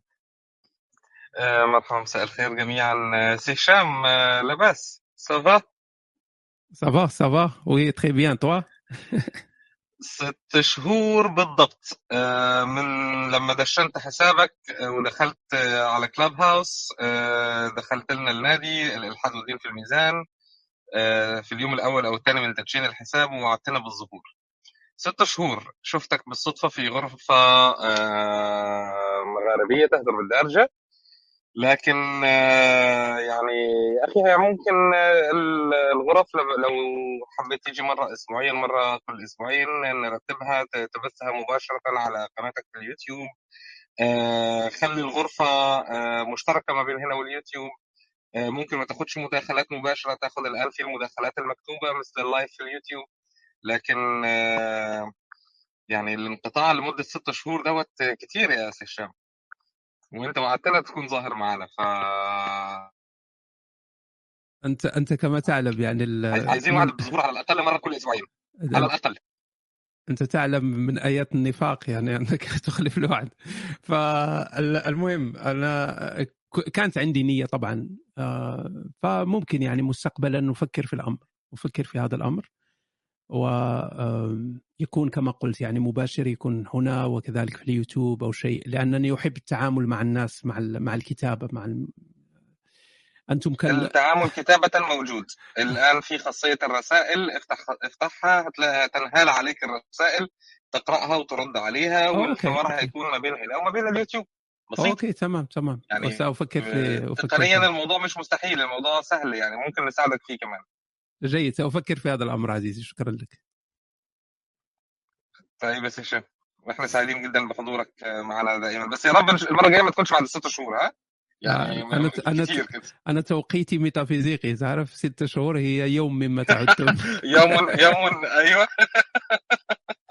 ويلكم ماشي يا هشام شكرا جزيلا. مش عايز أطول على الناس عشان أكيد المستمعين عندهم أسئلة كتير. شكرا. شكرا عزيز شكرا. شكرا يميم على المداخلة. طبعا يعني هشام فعلا ال Clubhouse يعني كمكان يعني يعتبر من أقوى الأشياء اللي مرت علينا بعدد ال community اللاديني سواء من المغرب العربي أو هو المغرب أمازيغ عفوا لازم أقول المغرب عربي من المغرب أو من الدول العربية الثانية. وكثير أغلب الناس بعثت لي رسائل بعدد كبير جدا هي سعيدة بوجودك يعني. متأكد إنه لو تفتح مجال التنوير في في ال Clubhouse حتكون يعني لك مكانة عظيمة جدا. آه، تفضلي فابيولا شكرا ألكسندر. في سؤال من بيتشر تيش بيقول وعلى فكرة ده ممكن يبقى طلب يعني نطلبه إحنا منك هشام بسبب السؤال لو كان ممكن. هو بيقول إنه أنا دائما أستمتع بأغاني هشام. هل إنتاج الأغاني الناقدة للدين أو غيرها سيستمر أم هو فقط مشروع مؤقت وانتهى؟ وشكرا. أنت أكيد هتجاوب ولو قدرنا إحنا نسمع منك أكيد هنكون مبسوطين. أنا أنا لا أغني صراحة. أنا أكتب أغاني. لأنه هو بيستمتع بأغانيك. أنا أكتب أكتب أغاني لكن دائما تكون بمشاركة. يعني هناك من عنده صوت أفضل بكثير من صوتي. فهم من يؤدون. لكن أنا أكتب فقط الأغاني. فنعم الأغاني أنا أحب جدا الأغاني ولن يتوقف هذا الأمر. ستكون دائما أغاني. كان مؤخرا كانت أغنية عيشة أو عائشة. هذه أغنية بالدارجة المغربية لكن كانت هناك مشاركات كثيرة من من إخوة وحتى أخوات يعني في أغاني قديمة كنت قدمتها وسيستمر الأمر. يعني لن لن أتوقف عن هذه الأعمال الفنية الغنائية. أوكي أناركو. الغالي أناركو تفضل. أناركو عندك مشكلة في الصوت. كده تمام؟ أه. إيه تفضل طيب مساء الخير جميعا مساء الخير أستاذ هشام. أه اولا بحب بشكر بس كلاب منتدى حول الأديان على الفرصة العظيمة دي. وبأكد على كلام مين يعني مش عايزين هشام يغيب عننا كده كتير. سؤالي باختصار في محو... في حواراتك مؤخرا أو طول فترة تنويرك يعني مع الإخوة المؤمنين السؤال ده أنا سألته لناس كتير ممكن نعتبرهم بين قوسين كده بابليك فيجر وبرضه لسه الإجابة ما جاتليش. بتفسر بإيه؟ بعض الإخوة السلفيين أو الغير أشعريين بيستخدموا علم الكلام في إثبات وجود الله وهم أصلا في أصل مذهبهم يكفرون أو يقولون على الأشاعرة هم خانيثة المعتزلة.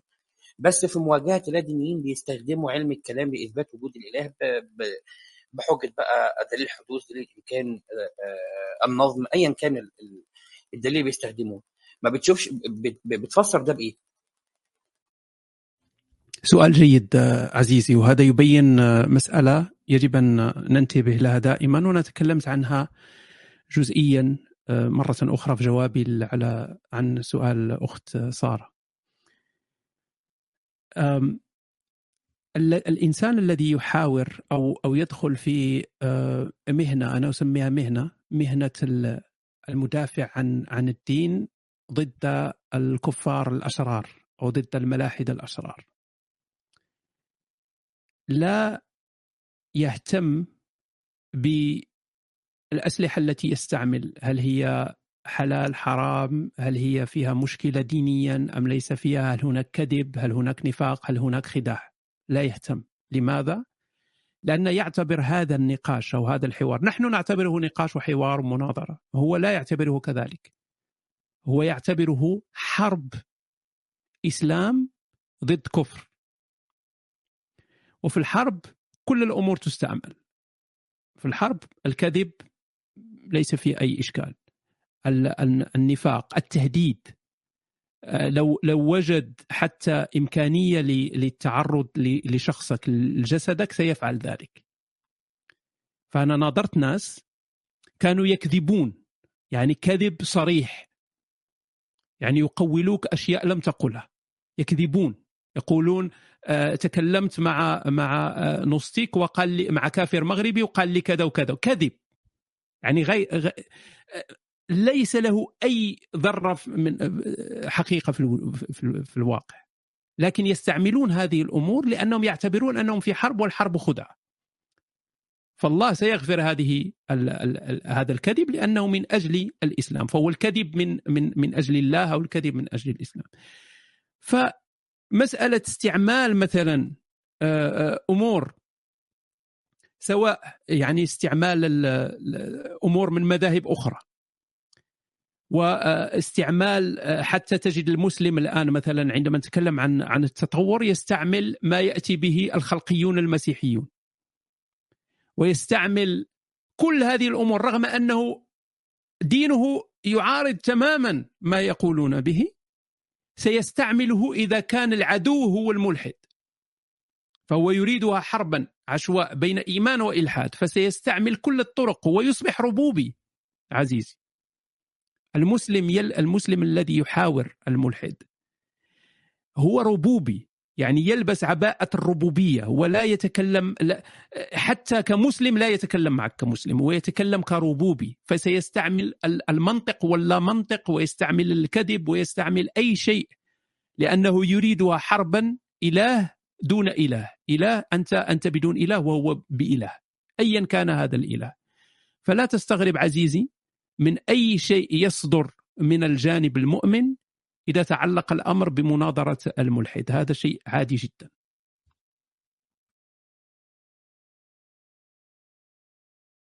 آه، تفضل. آه، تمام طيب في سؤال من ياسين آه، من ياسين المتاوي آه بيقول إنه مرحبا هشام مسرور بالتواصل معكم. آه، أنت تسب الدين والرب وتسخر منهما. كيف يمكن أن توصل أفكارك للكثيرين إذا كنت تضرب نقطة الاستقرار النفسي لديهم ومنطقة الأمان عندهم؟ أليس من الأقدر أن تدعو الناس إلى دين يراعي القيم الإنسانية ويقوض الخرافات والقيم البدائية؟ بمعنى أنه نفس الدين بس خالي من الشوائب يعني. آه، تفضل.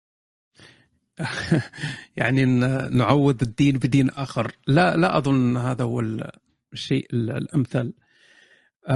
نعم أنا تكلمت عن مسألة السخرية. قلت بأنه يجب أن تكون نسبتها قليلة بالمقارنة مع النقد العام للدين. لكن لي لا لا نستطيع أن نترك أمور مقدسة لا يمكن انتقادها أو حتى السخرية منها. لا يمكن.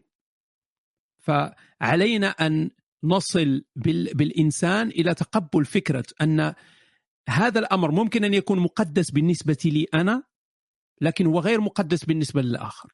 والآخر له الحق الكامل في أن يسخر من معتقداتي. له الحق في ذلك. ليس لا يعني أنه سيفعل ذلك لكن له الحق في ذلك وإن فعل فيجب علي أن نتعايش مع الأمر. لأن هذه لأن مقدساتي هي كومة أفكار. ليس إلا هي كومة أفكار نستطيع أن نسخر منها نستطيع أن نستهزئ بها إن إن أردنا. فإن حصل الأمر سنقبل ذلك نتعايش مع الأمر لأن هذا ال ال ال الذي يستهزئ أو يسخر من الأمر هو لا يؤمن بهذه الأمور كمقدسات. هو بالنسبة له هي فقط أفكار وأفكار تدعو مثلا للضحك أو ممكن أن يستعملها في في أعمال فنية ساخرة. فهذا أمر ضروري جدا. يعني يجب أن يفهمه المؤمن في بلداننا. يجب أن يفهم هذا الأمر.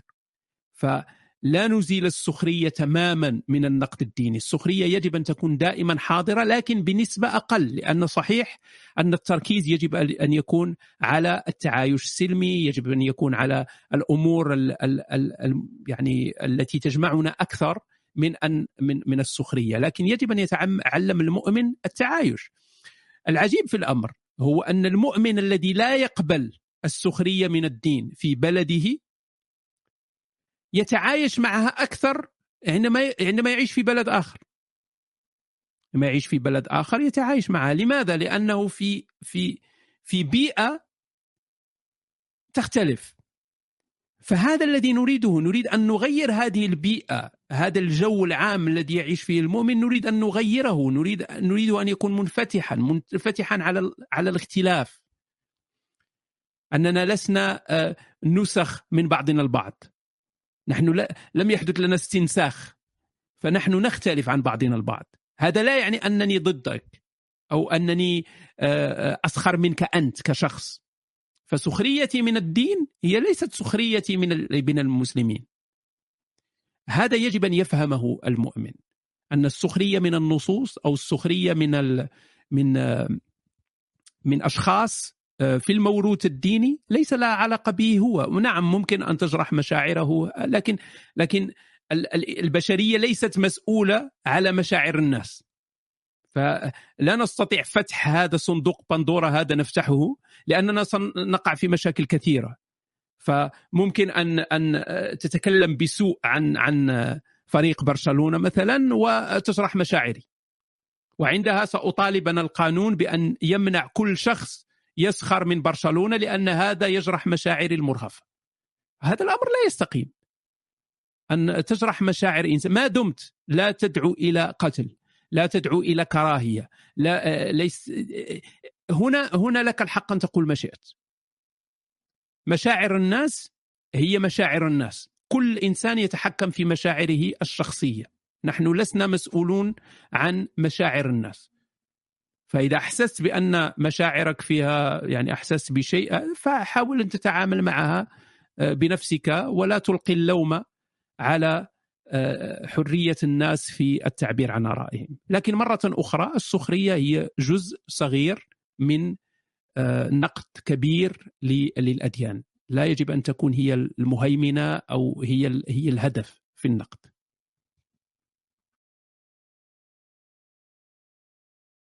آه كوانتم تفضل كوانتم. شكرا. منورين أستاذ هشام منورنا اليوم آه، بالمنتدى ومستانسين إحنا شايفينك. طبعا آه، أنت من الناس اللي التنويريين المعروفين معروفين يعني بالوطن العربي. شكر منك من هالمجهود هذا اللي قاعد تسويه بصراحة على أساس إن الناس آه، تتعلم وتصير عندها إنسانية أفضل. أنا راح أسألك سؤال من من أحد الأشخاص وصلني وأنا كثير ما أتطرق حق هالموضوع. فالسؤال هو أنا مغربي وأعتز بعروبتي لكن أسمعك يا كوانتم كثيرا في في آه، في الغرف تتكلم أن أن الأصول اللي شمال أفريقيا هي من أصول أمازيغية. وتقول أن الإسلام طمس على هوية الشعب الأمازيغي وتحولنا إلى عرب. فأرجوك أن تسأل أستاذ هشام إذا كان قد عمل عمل دراسة في هذا الموضوع بمصداقية لمعرفة إن كانت الأصول فعلا هي أمازيغية أم كانت أم هي عربية. وشكرا. عندك أستاذ هشام منورنا. شكرا عزيزي كوانتوم أظن أن هذا الأمر أصبح متجاوز الآن أن نفكر في مسألة هل دول شمال إفريقيا هي بأصول أمازيغية أو يعني هل هي عربية؟ أصبح متجاوز. فواضح أن العرب هم دخيلون على المنطقة والأصل هي أصول والأصول هي أصول أمازيغية. يعني حتى من الآن حسب الفحوص الجينية تبين ذلك. آه هذا لا يعني أن أنا أو الأمازيغ أننا ضد اللغة العربية أو ضد العرب لا. نحن ضد أن تسلب هوية الأمازيغي وتستبدلها وتجعلها عربية. هذا هذا هنا الإشكال. هذا هو الإشكال.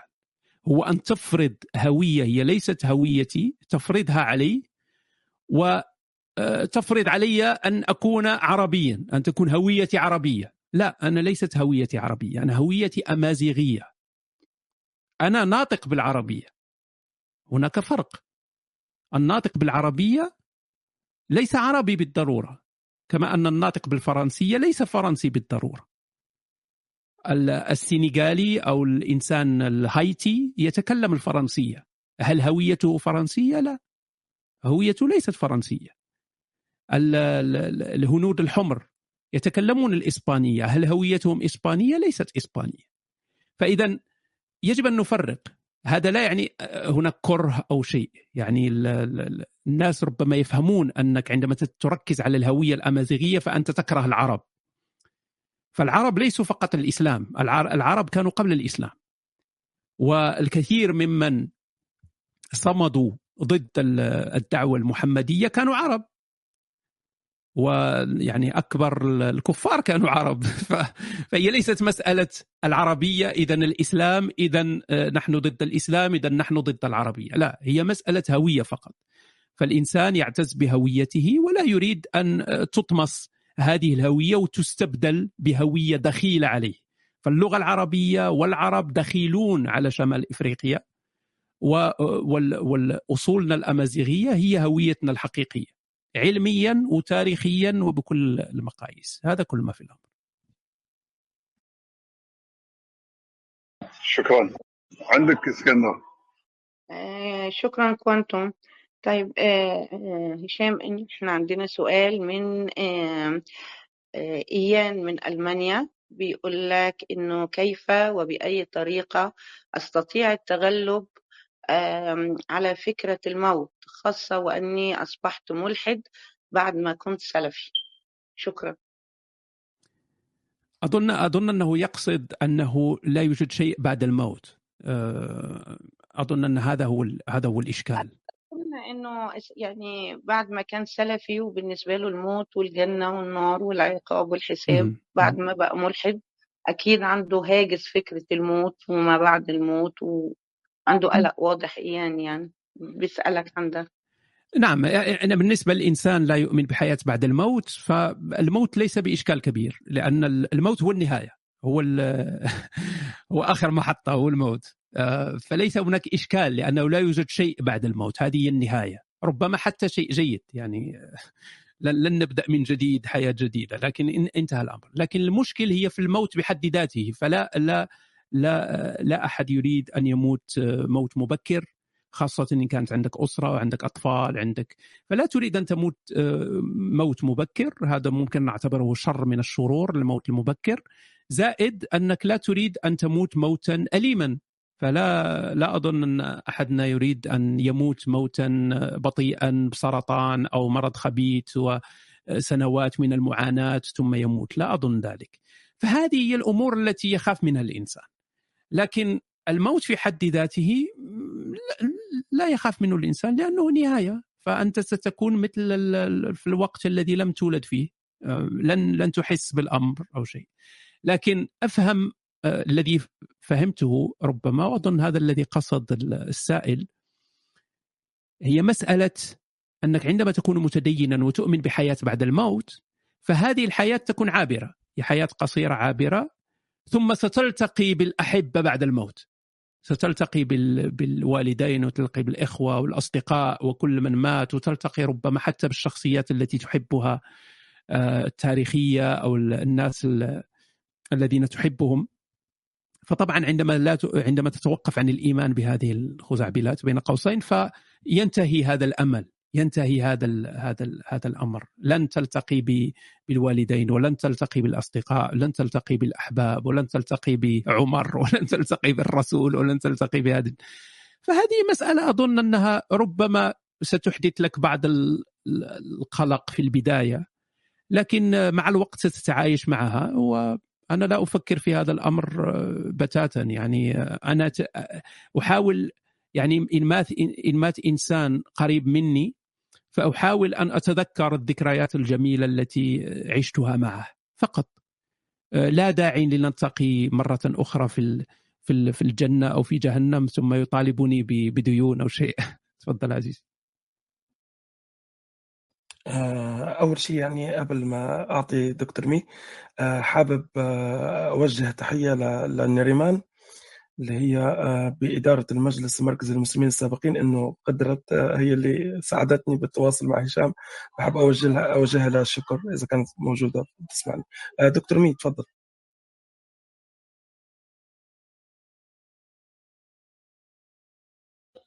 دكتور مي موجود؟ okay سارة. سارة علي. آه تفضل دكتور مي دلوقتي الصوت موجود؟ آه موجود تفضل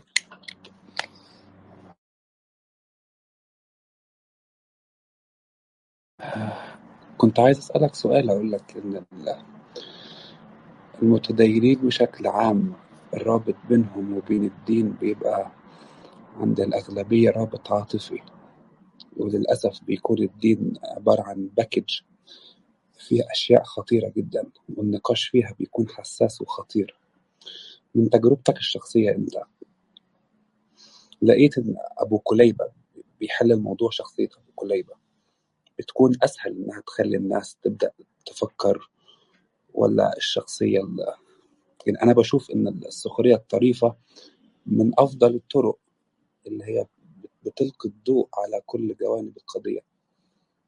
ف من تجربتك الشخصية يا ريت تعرفنا كان أبو كليبة كان أنجح أم ولا شخصية هشام مستك وصعب صعب أن أهلا عزيزي يعني صعب صعب جدا أن ليس عندنا إحصائيات صعب. يعني انطباعي الشخصي هو أن الأمر لا يتعلق بشخصية معينة. هناك الكثير من الناس تأثروا كثيرا ب بالأعمال الساخرة. كثير من الناس تأثروا تأثروا هذا لا يعني أن الأعمال الساخرة هي هي افضل حل. فلست ليس عندنا إحصائيات. هناك من يتأثر ولا يتكلم. هناك من يتأثر ويت يعني ممكن أن يترك الأمر لنفسه. فلا لا, لا نعلم. لأن إذا كان الهدف أن لا يأخذ الإنسان الدين بجدية فلن تعلم ذلك. يعني لن لن نعلم عن هذا التحول من أخذ الدين بجدية إلى عدم أخذ الدين بجدية. لن لن ليست لا يمكن أن نحصل على نتائج ونقول أوكي تبين الأمر أنه كذا وكذا. انطباعي الشخصي هو أنه الأمر تقريبا متوازن. وهناك من يتأثر بالسخرية هناك من يتأثر بالخطاب البسيط المسالم هناك من يتأثر بالخطاب الساخر لكن على طريقة أبو كليبه مثلا لكن ليست عندنا أرقام للأسف. فلذلك أنا أحاول دائما أن أنوع ولا أركز على شيء واحد.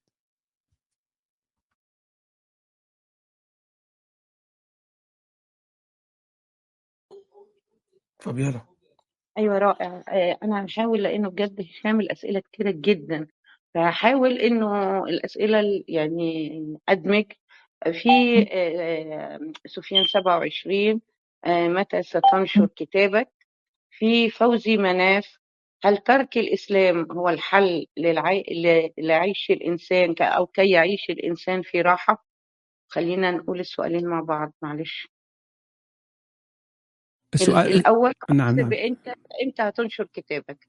والسؤال السؤال الثاني كان عن ما هو السؤال الثاني هل ترك الإسلام هو الحل كي يعيش الإنسان في راحة؟ okay okay. آه بالنسبة للكتاب الكتاب سيكون في, في آخر نهاية العام نهاية العام سيكون الكتاب جاهز. أتمنى أن يقام المعرض الدولي للكتاب في الدار البيضاء في بداية السنة الجديدة. لا ندري مع الجائحة الآن. لكن سيكون توقيت جيد إن حصل ذلك بالفعل. وسي يعني إن لم يكن هناك معرض فأكيد أنه سيتم نشر الكتاب بطرق أخرى. لكن نهاية العام سأنتهي من من الكتابة بالنسبة لقضية الراحة هي مسألة نسبية. هي مسألة نسبية لا يمكن ليس هناك شيء يمكن تطبقه على الجميع. هناك من خرج من الدين ويعيش حياة الآن أكثر راحة. هناك من خرج من الدين وحصل العكس.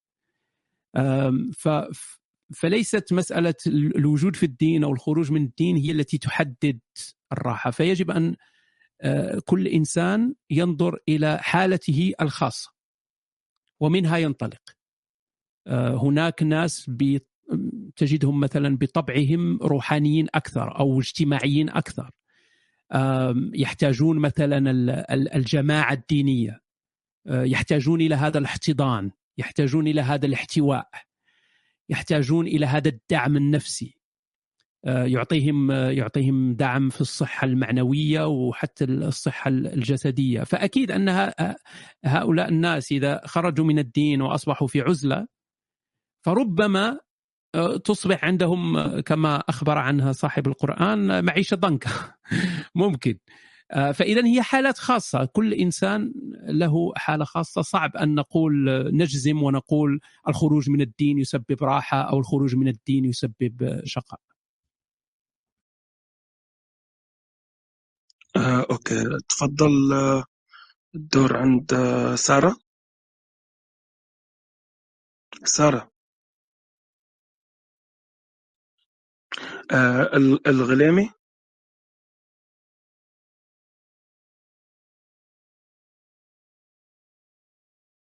آه لمياء موجودة؟ لمياء آه مساء الخير. آه تحياتي لك آه نوستيك أنا عندي سؤال آه شنو ممكن ينصح اسمحوا لي يعني لا أجيد اللغة العربية جيدا فنتكلم بالدارجة. آه، شنو ممكن تنصح هشام الناس اللادينيين الجدد اللي تيخرجوا من الدين وكيتعرضوا لواحد الصدمة وأزمة نفسية. وكيف ما كنعرفوا في بلداننا العربية ما كاينش ثقافة الذهاب للطبيب النفسي وغالبا كيكون الطبيب النفسي مسلم أو ما كتكونش إمكانيات. فيا ريت إلا كان ممكن يعني تعطيهم شي نصيحة. وشكرا. وي شكرا عزيزتي. أه السؤال هو عن من هو حديث عهد بالكفر آه، الذي يحتاج مثلا آه، يحتاج مساعدة نفسية ولا يجدها في محيطه وإذا آه، ذهبت عند طبيب نفساني مثلا ستجد أنه متشبع بالدين وقد يعطيك مثلا من الحلول يعطيك قراءة المعوذتين وآية الكرسي قبل النوم. فهذا هذا مشكل حقيقي. نصيحتي لمن هو في هذا الموقف في هذه الحالة أن يحاول التعرف على آه، لا دينيين في مواقع التواصل مثلا هنا في الكلاب هاوس أو على الفيسبوك. فهذا سيعطيه نوع من الدعم النفسي. النصيحة الثانية هي الا يغير كثيرا آه، أشياء في حياته. يعني أن أن أن لا يحاول أن يكون خروجه من الدين سببا مثلا في آه، مشاكل مع العائلة أو مع الأصدقاء أن يترك الأمر سريا. إذا كان المثال مثلا في المغرب المغرب ليس ليس داعش. المغرب الكثير من الناس لا يصلون ولا يقومون بطقوس دينية لا تعرف الكافر من من المسلم في المغرب. فممكن أن يعيش حياة عادية جدا ويترك هذه القناعات لنفسه ويعبر عنها فقط مع أصدقائه آه، على الإنترنت أو إذا وجد آه، إذا وجد اصدقاء في الواقع. هذه هذه نصيحتي لمن هو حديث عهد بالكفر. تمام. هشام في سؤالين تقريبا زي بعض بالضبط. سؤال يمكن قلناه قبل كده بس ما تجاوبش عليه. آه، لماذا نحن في هذا العالم؟ نفس السؤال جاي لك مرة تانية. آه يعني آه, آه، برضو هو يعني إيه فايدة وجودنا في العالم؟ آه أو بالأداء إنه حسب ما أنت بتقول إحنا آه آه، نحن هنا آه، علميا بسبب التطور آه، والانتقاء الطبيعي. ولكن ما هي الغاية من وجودنا؟ السؤال الثاني لماذا نحن في هذا العالم؟ فتقريبا الإجابة على السؤالين واحدة فياريت ناخدهم مع بعض. أم، أنا أنا شخصيا أم، أستغرب يعني لماذا التركيز على على هذا السؤال. أه، نحن هنا. ويجب أن ننظر إلى حياتنا هنا وما نفعله هنا. ونحقق أكبر سعادة ممكنه لنا هنا. أما التركيز في مسائل من أين جئنا وما هو الهدف ولن لن يغير كثيرا. يعني حتى لو وجدنا الإجابة على هذا السؤال لن يغير كثيرا. ودائما إذا بقينا في مسألة العلم فالهدف من هذه الحياة واضح. كما هو بالنسبة لجميع الكائنات الحية الموجودة هو التوالد. هذا هو الهدف. الهدف هو بيولوجي هو التوالد.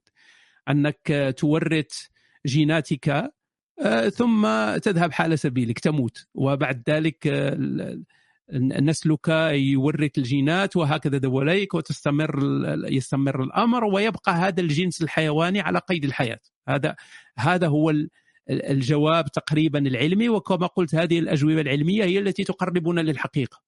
أما الأجوبة ال- ال- التي نتمنى أن تكون آه، يعني الأجوبة الميتافيزيقية فهذه ليست أجوبة حقيقية هي أسئلة مبنية على هي أجوبة مبنية على اعتقاد ناس عاشوا في زمان آه، ما لم يكن فيه علم ولم يكن فيه أي آه، تحقق من الأمور. يعني انسان يقول لك الهدف من من الحياة مثلا دينيا هو أن تعبدون. يعني إله في مكان ما قرر أن يخل- يخلق الناس والهدف من خلقهم هو أن يعبدوا هذا الإله. يعني جو فيجر فندخل في هذه المتاهات. فلا يمكن لأي إنسان عقلاني يعتمد على ال- الدليل في حياته أن يهتم لهذه القصص. هي قصص مسلية لكن ليس لها فائدة في حياتنا. فالعلم العلم هو الذي يقربنا عزيزي ويجب التركيز على آه، ما يقوله العلم. بغض النظر عن أن هذا السؤال لن يغير كثيرا في حياتنا، الجواب على هذا السؤال لن يغير كثيرا، حتى لو عرفنا أكثر عن مصدر وجودنا فهذا لن يغير كثيرا في حياتنا، ستبقى الأمور على ما هي عليه. آه زولا؟ تفضل زولا. آه نعم. الصوت واضح؟ نعم جيد. آه شكرا. أهلا آه شكرا لكم جميعا على هذه الفرصة. أهلا بهشام أتمنى تكون بخير وعلى خير. وأمورك كلها. هانية آم، أنا عندي واحد السؤال يعني يعني أنا عارف أنك ربما آه لا يعني تتابع ما يحصل على كلوب هاوس. هذا ما تقوله يعني. لا أدري إن كنت تت- تتجسس علينا ب- بأكونت آخر. لكن يعني الملاحظ في كلوب هاوس يعني مؤخرا وهو ربما من المضحكات المبكيات أنه الآ- الآية انقلبت شيئا ما. يعني وأصبحت هناك نبرة متصاعدة من الجانب المتدين. يتهم الجانب اللاديني آه، المنتقد للدين آه، يتهمه بالتطرف والازدراء وزعزعة عقيدة المسلمين إلى آخره. في وقت أنه آه، بين قوسين ربما نفس آه، هؤلاء الأشخاص يتكلمون صباح مساء عن حد الردة في روماتهم لكن آه، هذه قضية أخرى. لكن سؤالي هنا هل هل ممكن فعلا في في وجهة نظرك أن يوجد هناك آه، تطرف لا ديني وهل ممكن أن يأتي يوم تنقلب فيه الآية ويصبح فيه الجانب المتدين؟ هو من يطلب التعايش ثم ما هو الحد الفاصل بين النقد والإزدراء؟ آه، كان هذا هو سؤالي وشكرا لك هشام.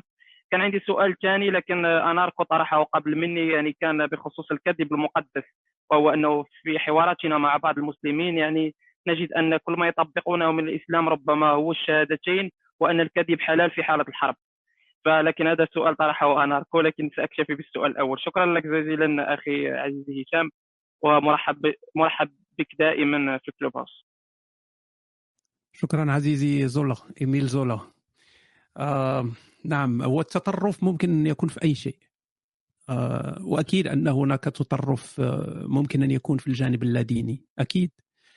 آه فابيولا أظن؟ okay. آه أكيد التطرف موجود.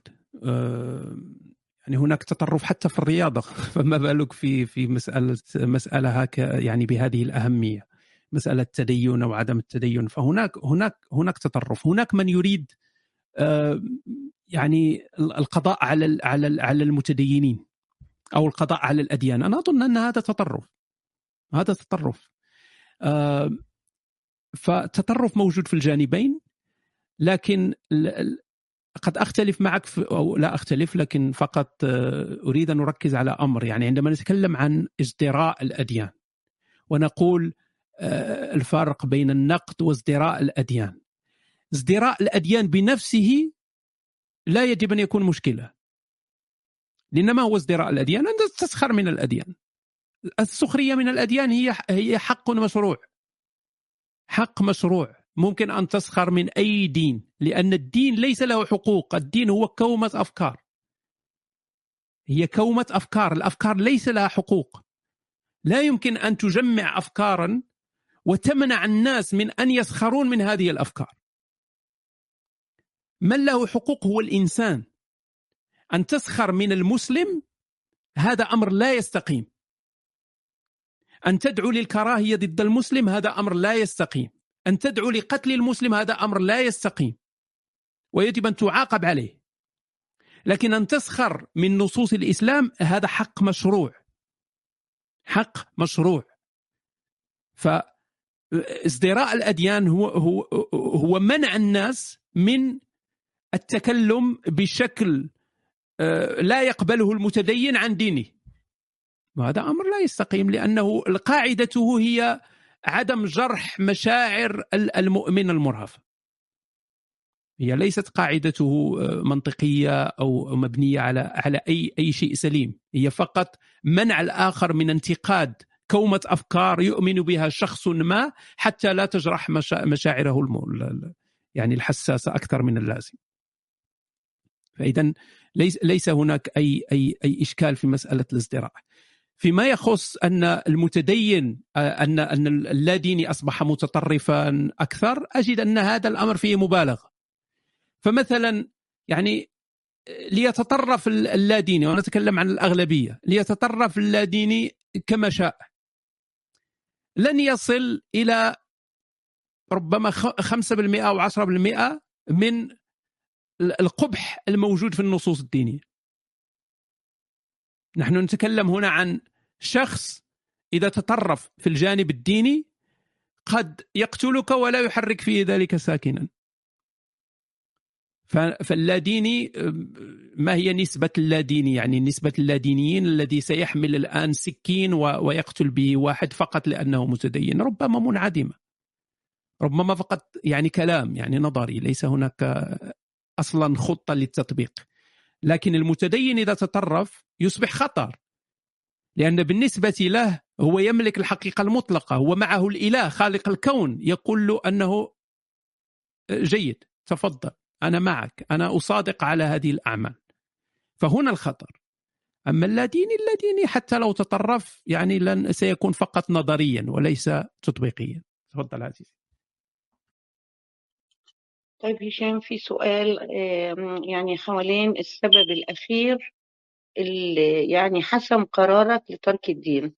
سؤال تاني ما هو المانع الإلحادي عن قتل أي إنسان؟ أوكي. آه بالنسبة بالنسبة للسؤال الأول كان القرار الأخير يعني القرار أو يعني آه okay. يعني يعني القشة التي قسمت ظهر البعير ربما. بالضبط. okay أيوة بالضبط. okay. هي في آخر المطاف يعني هي تبدأ الأمور بشكوك. آه، شكوك بسبب أنا قلت الأخطاء الإسلام في في الأديان الأخرى أو أخطاء كاتب القرآن والنصوص الإسلامية فيما يتعلق بالأديان الأخرى. لكن الذي فعلا كان النقطة كانت النقطة الحاسمة هي مسألة الأمور اللا أخلاقية في الدين. الأمور اللا اخلاقيه في الدين كانت هي المشكلة، أنا لا يمكن أن أقبل بأي شكل من الأشكال أن يسمح خالق الكون، رب الكون الذي له كل هذه الصفات المطلقة أن يسمح بأن بتجارة البشر. لا يمكن إقناعي بهذا الأمر، لا يمكن أن أقتنع بهذا الأمر إلا إذا كان رب هذا الكون أو هذا الخالق إذا كان بصفات أخرى ليست الصفات التي نسمع عنها من الأديان الإبراهيمية أو أن يكون وحشا ميتافيزيقيا. هنا ممكن لكن أن يكون كذا وكذا وهو الرحيم وهو العليم وهو وفي نفس الوقت يبيع البشر هذا الأمر لا يستقيم. فإذا المسائل اللا أخلاقية هي التي كانت يعني كانت ال ال يعني الحلقة الأخيرة كما نقول. آه، بالنسبة للسؤال ما المانع الإلحادي؟ أنا يذكرني هذا السؤال بالمناظرة التي آه، عملتها مع مع مناظر مسلم آه، مغربي اسمه ملفقية. وكنا تكلمنا عن هذا. عندما نتكلم عن المانع الإلحادي وكأننا نتكلم عن الإلحاد وكأنه دين وكأن هناك قوانين هناك وصايا عشر عند عند الملاحدة. وسنعتمد على هذه هذه المعايير لنقول هل هناك مانع أم ليس هناك مانع. مشكلة الأخلاق هي مشكلة دينية في الأصل. لأن الأخلاق هي تراكم تجربة إنسانية. تراكم لتجربة إنسانية. يعني التجربة الإنسانية هي التي تغير وتحسن أخلاقنا. في وقت من الأوقات كانت هناك أمور سيئة نفعلها وتبين أنها غير صالحة للمجتمع لأن الهدف من ال من من التزامنا بأخلاق معينة هي أن نعيش في سلم ويعيش المجتمع آه، في في في أمن وأمان وهذا ما يريده الإنسان. لا أحد هنا يريد أن يعيش في مجتمع فيه قتل. لا أحد هنا يريد أن يعيش في مجتمع فيه خيانة، فيه سرقة، فيه لا لا أحد يريد ذلك.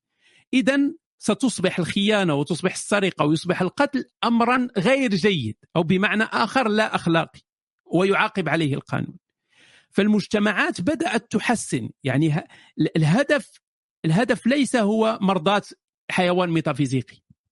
المشكلة في الأخلاق عند المؤمن هو أنه يعتمد على الحلال والحرام ما يأمر به الإله وما يمنعه الإله. هو هدفه ليس بناء المجتمع أو أنه سنحسن من سنؤدي إلى الأمن والأمان. لا هو الهدف هو مرضاة هذا هذا الكائن الميتافيزيقي. وهنا الخلل.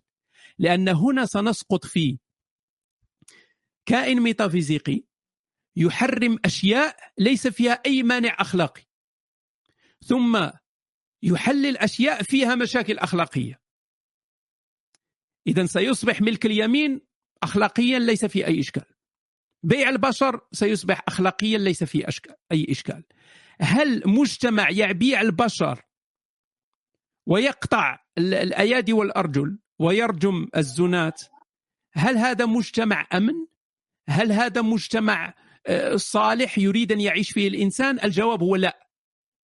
والدليل من الواقع هو أن إذا خير مثلا أي شخص في عالمنا الأمازيغي العربي الإسلامي أي أي شخص إذا خير بين حياة في النرويج وحياة في ظل الشريعة الإسلامية في أفغانستان سيختار النرويج.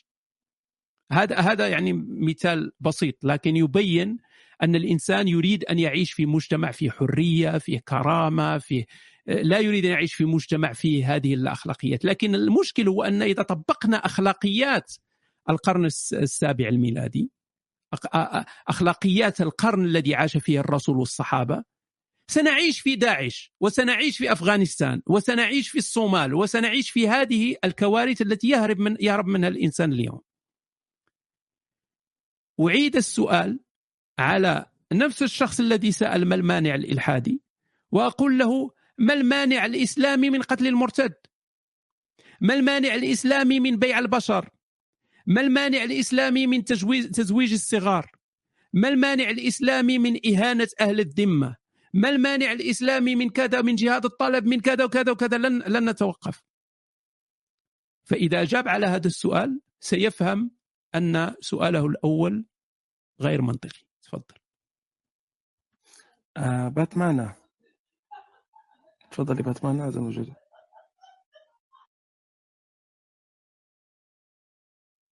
أوكي مو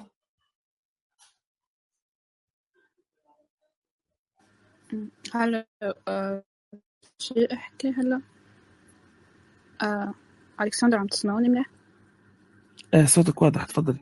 okay آه، so بحب رحب بهشام. uh, my question is about um, أنت عم شوفك بتعمل كتير محتوى ساخر وهيك. شو رأيك بهالمحتوى؟ يعني هل فيك بتوصل آه، فكرة أو إشي للوطن العربي وللمغرب العربي خاصة لأنه بنعرف إنه بالمغرب العربي في إلهم صعوبة بتقبل النقد الساخر و... وفي وبدي أسأل كمان شو عم كيف عم بتشوف مستقبل الإلحاد بالوطن العربي This is my question. آه، شكرا عزيزتي. هو مستقبل المستقبل زاهر. أكيد أكيد. لأن لأن العالم الآن كله يتجه في آه، اتجاه الانفتاح والتعايش. كل العالم كله بسبب بسبب وسائل التواصل الموجوده الحديثة. فحتى إذا لاحظتم يعني اهتمامات البشر اهتمامات البشر أصبحت متشابهة.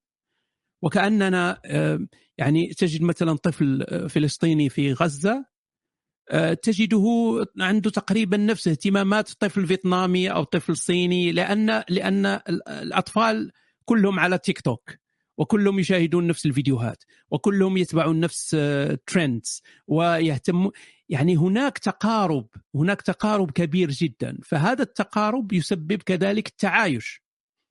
تعرف على ثقافات أخرى تعرف على أننا آه، يعني الحقيقة أننا كلنا بجنس واحد. فرقتنا الحدود فرقنا يعني الابتعاد عن بعضنا البعض الحدود الجغرافية لكن الإنترنت تقربنا وتجعل منا فعلا قرية آه، صغيرة. كما يقال دائما العالم قرية صغيرة. فالمستقبل هو جيد مستقبل انفتاح مستقبل تعايش.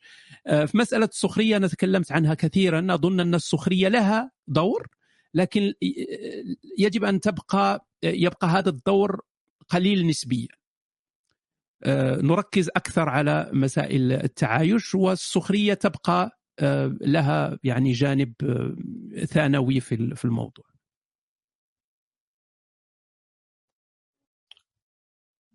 تمام. آه، عندنا سؤال من صديقتنا الرائعة. سارة علي بتقول آه، هل هناك أمل بالسنوات القادمة أن تتبنى الدول العربية نظاما علمانيا حقيقيا وأن آه، يصبح مكان الأديان دور العبادة فقط دون تدخل في مصير الناس؟ أنا رأيي في هذه المسألة ربما قد يفاجئ البعض. أنا أظن أن أغلب الدول يعني الناطقة بالعربية أو الإسلامية هي دول فعلا علمانية. ليس علمانية حق يعني علمانية فرنسا أو علمانية أوروبا أو الغرب عموما. لكن الدين كمصدر تشريع لا لا, لا يشرع كثيرا. ليست هناك أمور كثيرة في في القوانين مبنية على الدين بل بل الغالب هي قوانين وضعية. مشكلتنا في بلداننا هي أن هناك بعض القوانين مثلا مثل قانون ازدراء الأديان أو قوانين التجريم الإفطار العلني في رمضان أو زعزعة عقيدة مسلم آه هذه الأمور موجودة لكن ليست موجودة بدافع ديني. موجودة بدافع براغماتي من الدول لأنها تستعمل هذه القوانين تستعمل لأجل مثلا أحيانا سجن شخص غير مرغوب فيه أو أو أو دغدغة مشاعر التدين أو تجييش الشعوب أو أو شيء من هي ليست دوافع دينية فالدولة ليست متدينة أو أو أو الحكام أو أو يعني أصحاب القرار ليسوا متدينين وبدافع ديني يفعلون ذلك بل هي قوانين فضفاضة آه، تستعمل كأداة للابقاء على قوة الحكام. هذا كل ما في الأمر. أنا هكذا أجد المسألة. هل هل سنحا هل س... نحن الآن في طريق علمانية؟ أكثر أكيد لأن هذه القوانين لا, لا يمكن أن تصمد إلى الأبد. دورنا هو أن ننتقد هذه القوانين. هذا دورنا. أن في كل مرة مثلا إنسان يسجن بسبب بسبب إن الازدراء ما يسمى بازدراء الأديان على كل على كل ال- الناس اللي عندهم صفحات على المواقع أو حتى أي إنسان ممكن أن يعمل منشور أو شيء تدوينه أن ينتفض. وكلنا نتكلم عن هذا الأمر أنه فضيحة وأنه مسألة لا يمكن أن نقبلها في القرن الواحد والعشرين. هكذا سيكون هناك ضغط. ضغط على ال- الدول ان لأن الدول لا تريد أن تظهر بمظهر سيء أمام العالم.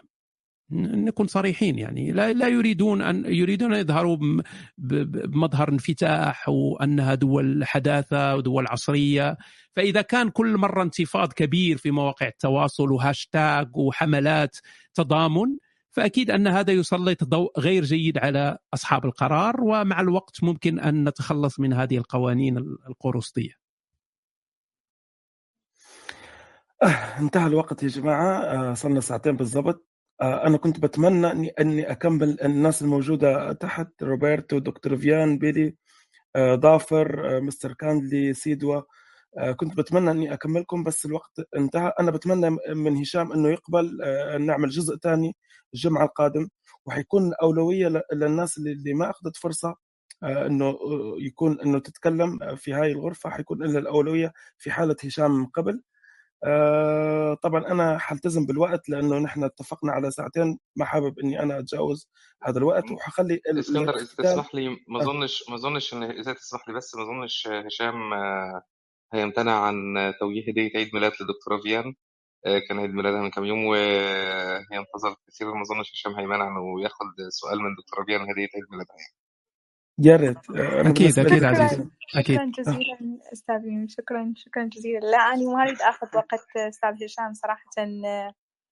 كنت يعني إذا ما في أي يعني ما في وقت يعني أنا ما عندي مشكلة بس حبيت إنه كان في سؤال ببالي وما أعرف يعني إذا سألته أو لا. بس أني أقدر أقدر وقته طبعا. أستاذ هشام شكرا. آه، تفضلي عزيزتي تفضلي. آه، طبعا أولا أحييك على الشجاعة وعلى الآراء ال- يعني أنا أعتبرك مدرسة طبعا. آه، مدرسة بالتنوير ودائما طبعا متابعة صفحتك على الفيسبوك وعلى طبعا فيديوهاتك على اليوتيوب. عندي سؤالين بس راح أتخلى عن السؤال الأول لأنه السؤال الأول كان يعني ببالي أنه عن العبودية في الإسلام ولكن راح أسألك سؤال يتعلق بالثقافة الجنسية اللي أنا أنشرها. دائما أفتح غرف عن آه، يعني توعية المرأة المسلمة بحقوقها الجنسية. ودائما يجون المتدينين يعني يجاوبوني إنه الإسلام أعطى المرأة الحرية والاستمتاع الجنسي كما أعطاها للرجل.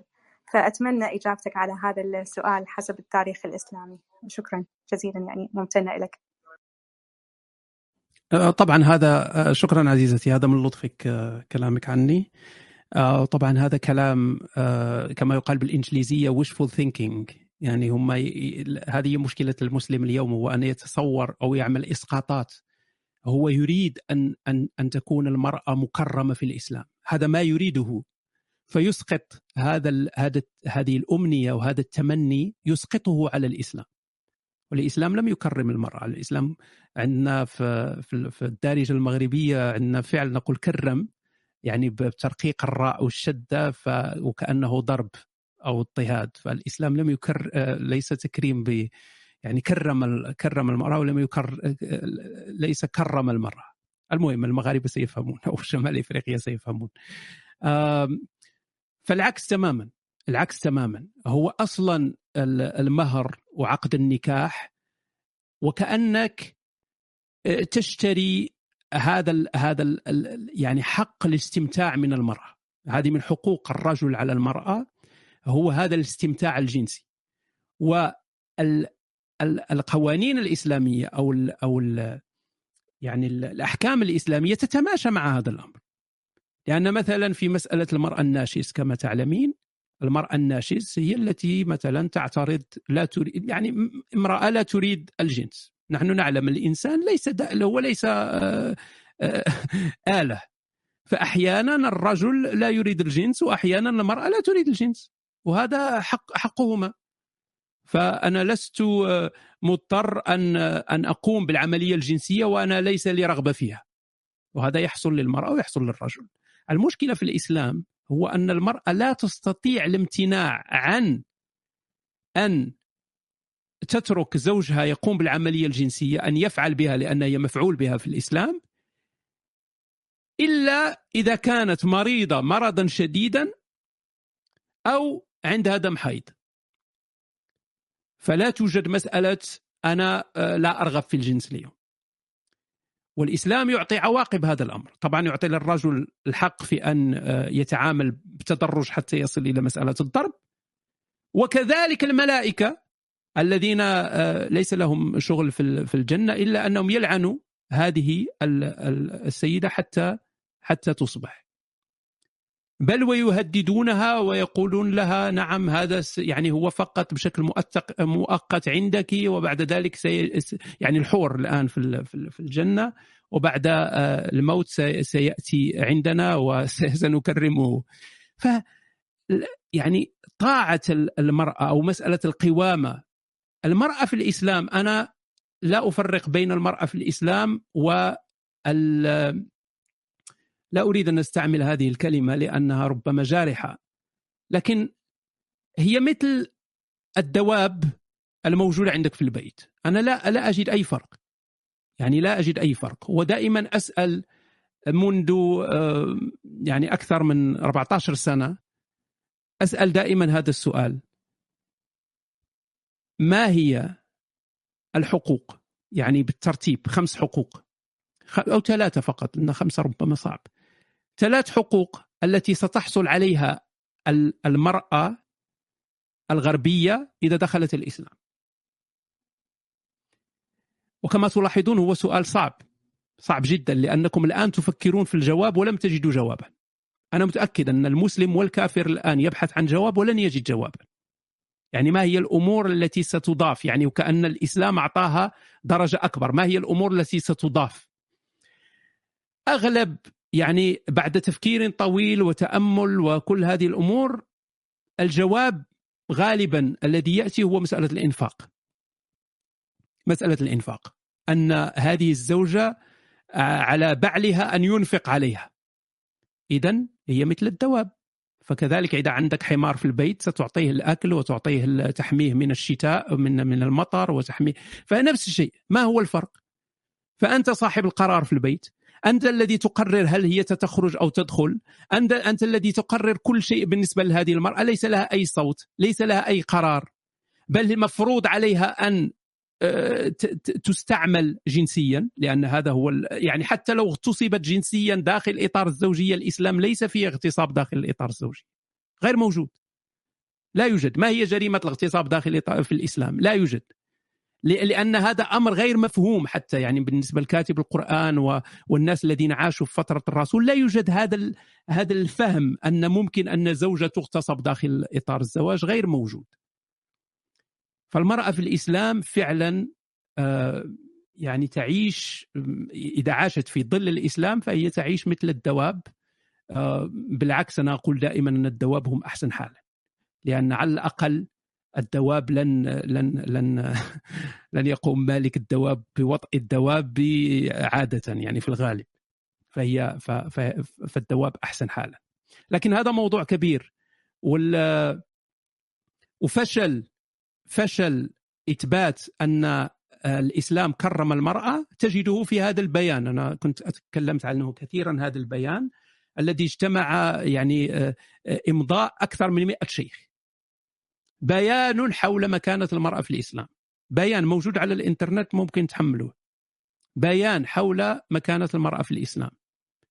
فأنت تنتظر من أكثر من مئة شيخ وقع على هذا البيان أن سيعطوك لائحة طويلة عريضة فيها جميع الأمور التي التي تميز المرأة المسلمة عن باقي النساء. نجد في هذا البيان الحجاب. نجد في هذا البيان قرارها في بيتها. أنا لا لا لا لا أمازحكم. هذه هي الحقيقة. ابحث عن البيان الآن ستجد هذا هذا الأمر. ثلاث حقوق. إذا لم تخني الذاكرة حجاب قرارها في بيتها عدم الاختلاط أو شيء من هذا القبيل. هذه هي الثلاث حقوق التي كرم بها الإنسان الإسلام المرأة المسلمة. فالكثير من المضحك المبكي للأسف. وهشام شي أسئلة د ولاد البلاد أنا لا, مزاوب لا روبرتو روبرتو آه، آه، بعتذر روبرتو لو في جزء لو قبل هشام جزء ثاني أنت حتكون أول واحد. آه، كثير بشكرك هشام على قبول الاستضافة وشكرا. وهذا هو يعني سؤال من الناس كلهم بيسألوا هل يمكن إنه الجمعة القادم تكون في نفس الموعد؟ لقاء ثاني جزء ثاني؟ آه أكيد أكيد okay تمام. okay حلو حلو على الموافقة. آه روبرتو أنا بوعدك إنه الجمعة القادمة تكون أول واحد آه بالسؤال يعني أخذت أنا يا الصورة شكرا جزيلا. آه أخذت صورة أنا. أنا أنا ما سألتش. آه يا خال آه بعرف بس الوقت انتهى ما بقدر. أنا لا حخلي لا بس هشام الجمعة الجايه أنا بسأل آه. الأستاذ هشام. حاضر آه، أوكي. بعتذر منكم كلكم أنا عشان ملزم بالوقت. الدكتوره فيان كانت حلقه خاصة عشان عيد ميلادها. بقول لك كل عام بخير. وحخلي هشام يختم لنا بأبو كليبة وشكرا لكل المستمعين لكل الناس اللي حضروا شكر خاص كبير لهشام والرائع واللقاء الجميل آه، وردوا على الأسئلة الأكثر من رائع فعلا. تفضل هشام. والله أنا أنا أسعد عزيزي وبالعكس أنا كنت آه، سعيد جدا بوجودي معكم وآسف يعني الناس اللي لم تطرح أسئلتها وآسف كذلك للناس الذين لم يأخذوا جوابا يروقهم أو جوابا آه، كافيا شافيا. فموعدنا الجمعة القادم وممكن آه، نقوم بجزء ثاني. طيب آه، ننادي على أبو كليبة. بس بس okay. ممكن كلمة اسكندر ممكن كلمة بعد إذنك؟ آه، مستر كاندلي آه لا لا ليس سؤال أنا بس أرحب أرحب بأخونا هشام بس وأتمنى يعني لو نشوفه كتير على Clubhouse بس. أتمنى آه، خلص ذلك الجمعة. القادم. مسكنا لك يا الجمعه القادم. شكرا كاندلي تفضل. أبو كليبة. الجمعة القادمه القاء القبض على نوستيك في ال Clubhouse. no worries أوكي. آه الحمد لله حمدا كثيرا. طيبا مباركا فيه كما يحب ربنا ويرضى. اللهم لا تعذب لسانا يخبر عنك ولا قلبا يشتاق إليك ولا عينا تنظر في ملكوتك ولا أذنا تستمع إلى كلامك. أما بعد أحبتي في الله أوصيكم بتقوى الله عز وجل. أوصيكم ونفسي بتقوى الله عز وجل. في هذا اليوم المبارك كنت بعد صلاة الفجر على البلتوك. أدرس القرآن للأخوات. الأخوات الفاضلات الطائعات الصائمات السائحات في سبيل الله. فجاءني شاب تقي. نحسبه كذلك ولا نزكي على الله أحدا. قال بشائر. بشائر يا شيخنا. قلت ما بك؟ قال اجتمع كفرة فجرة في دار الكلاب هوس. والله لم أسمع بهذه الكلمة قط. قال كلاب هاوس. فحسبتهم أنهم كلاب بني أمية أو كلاب دار الأرقم أو كلاب. قال كلاب هاوس. هذا تطبيق على الإنترنت. يجتمع فيه الكفرة ويلقون بالشبهات. وفي هذه الدار هناك شباب من خيرة شباب الأمة يسمعون هذه الشبهات ويتلقفونها ثم يضعف إيمانهم. فدخلت إلى دار الكلاب هاوس إلى هذا المنتدى المسمى حوار الأديان فحسبته مباهلة. والله حسبته مباهلة. نصارى ومسلمين ثم يسلم النصارى ونأخذ منهم الجزية. فوجدت أنها كلام فاحش ونساء كاسيات عاريات. فهناك انظر يا أخي الكريم روبة وأمل. والله أنت تناقش الأديان وتفكر في أمور أخرى. سبحان الله. والله الكاسيات العاريات في كل في كل مكان. أمل و و ومكسي. والله حتى أسماءهم فاتنة وصورهم بس بس so... أضحكتني أضحك الله سنك ف... أتوقع أتوقع المرة القادمة نكمل الجزء الثاني عش حبيبي عش عش عاش عاش okay okay تمام. المرة القادمة نكمل الجزء الثاني من أبو كليبه شكرا على الدعوة مرة أخرى وشكرا للجميع على الكلام الطيب تجاهي وعلى كل هذا الترحيب. وأعيدكم الجمعة نكمل الجزء الثاني.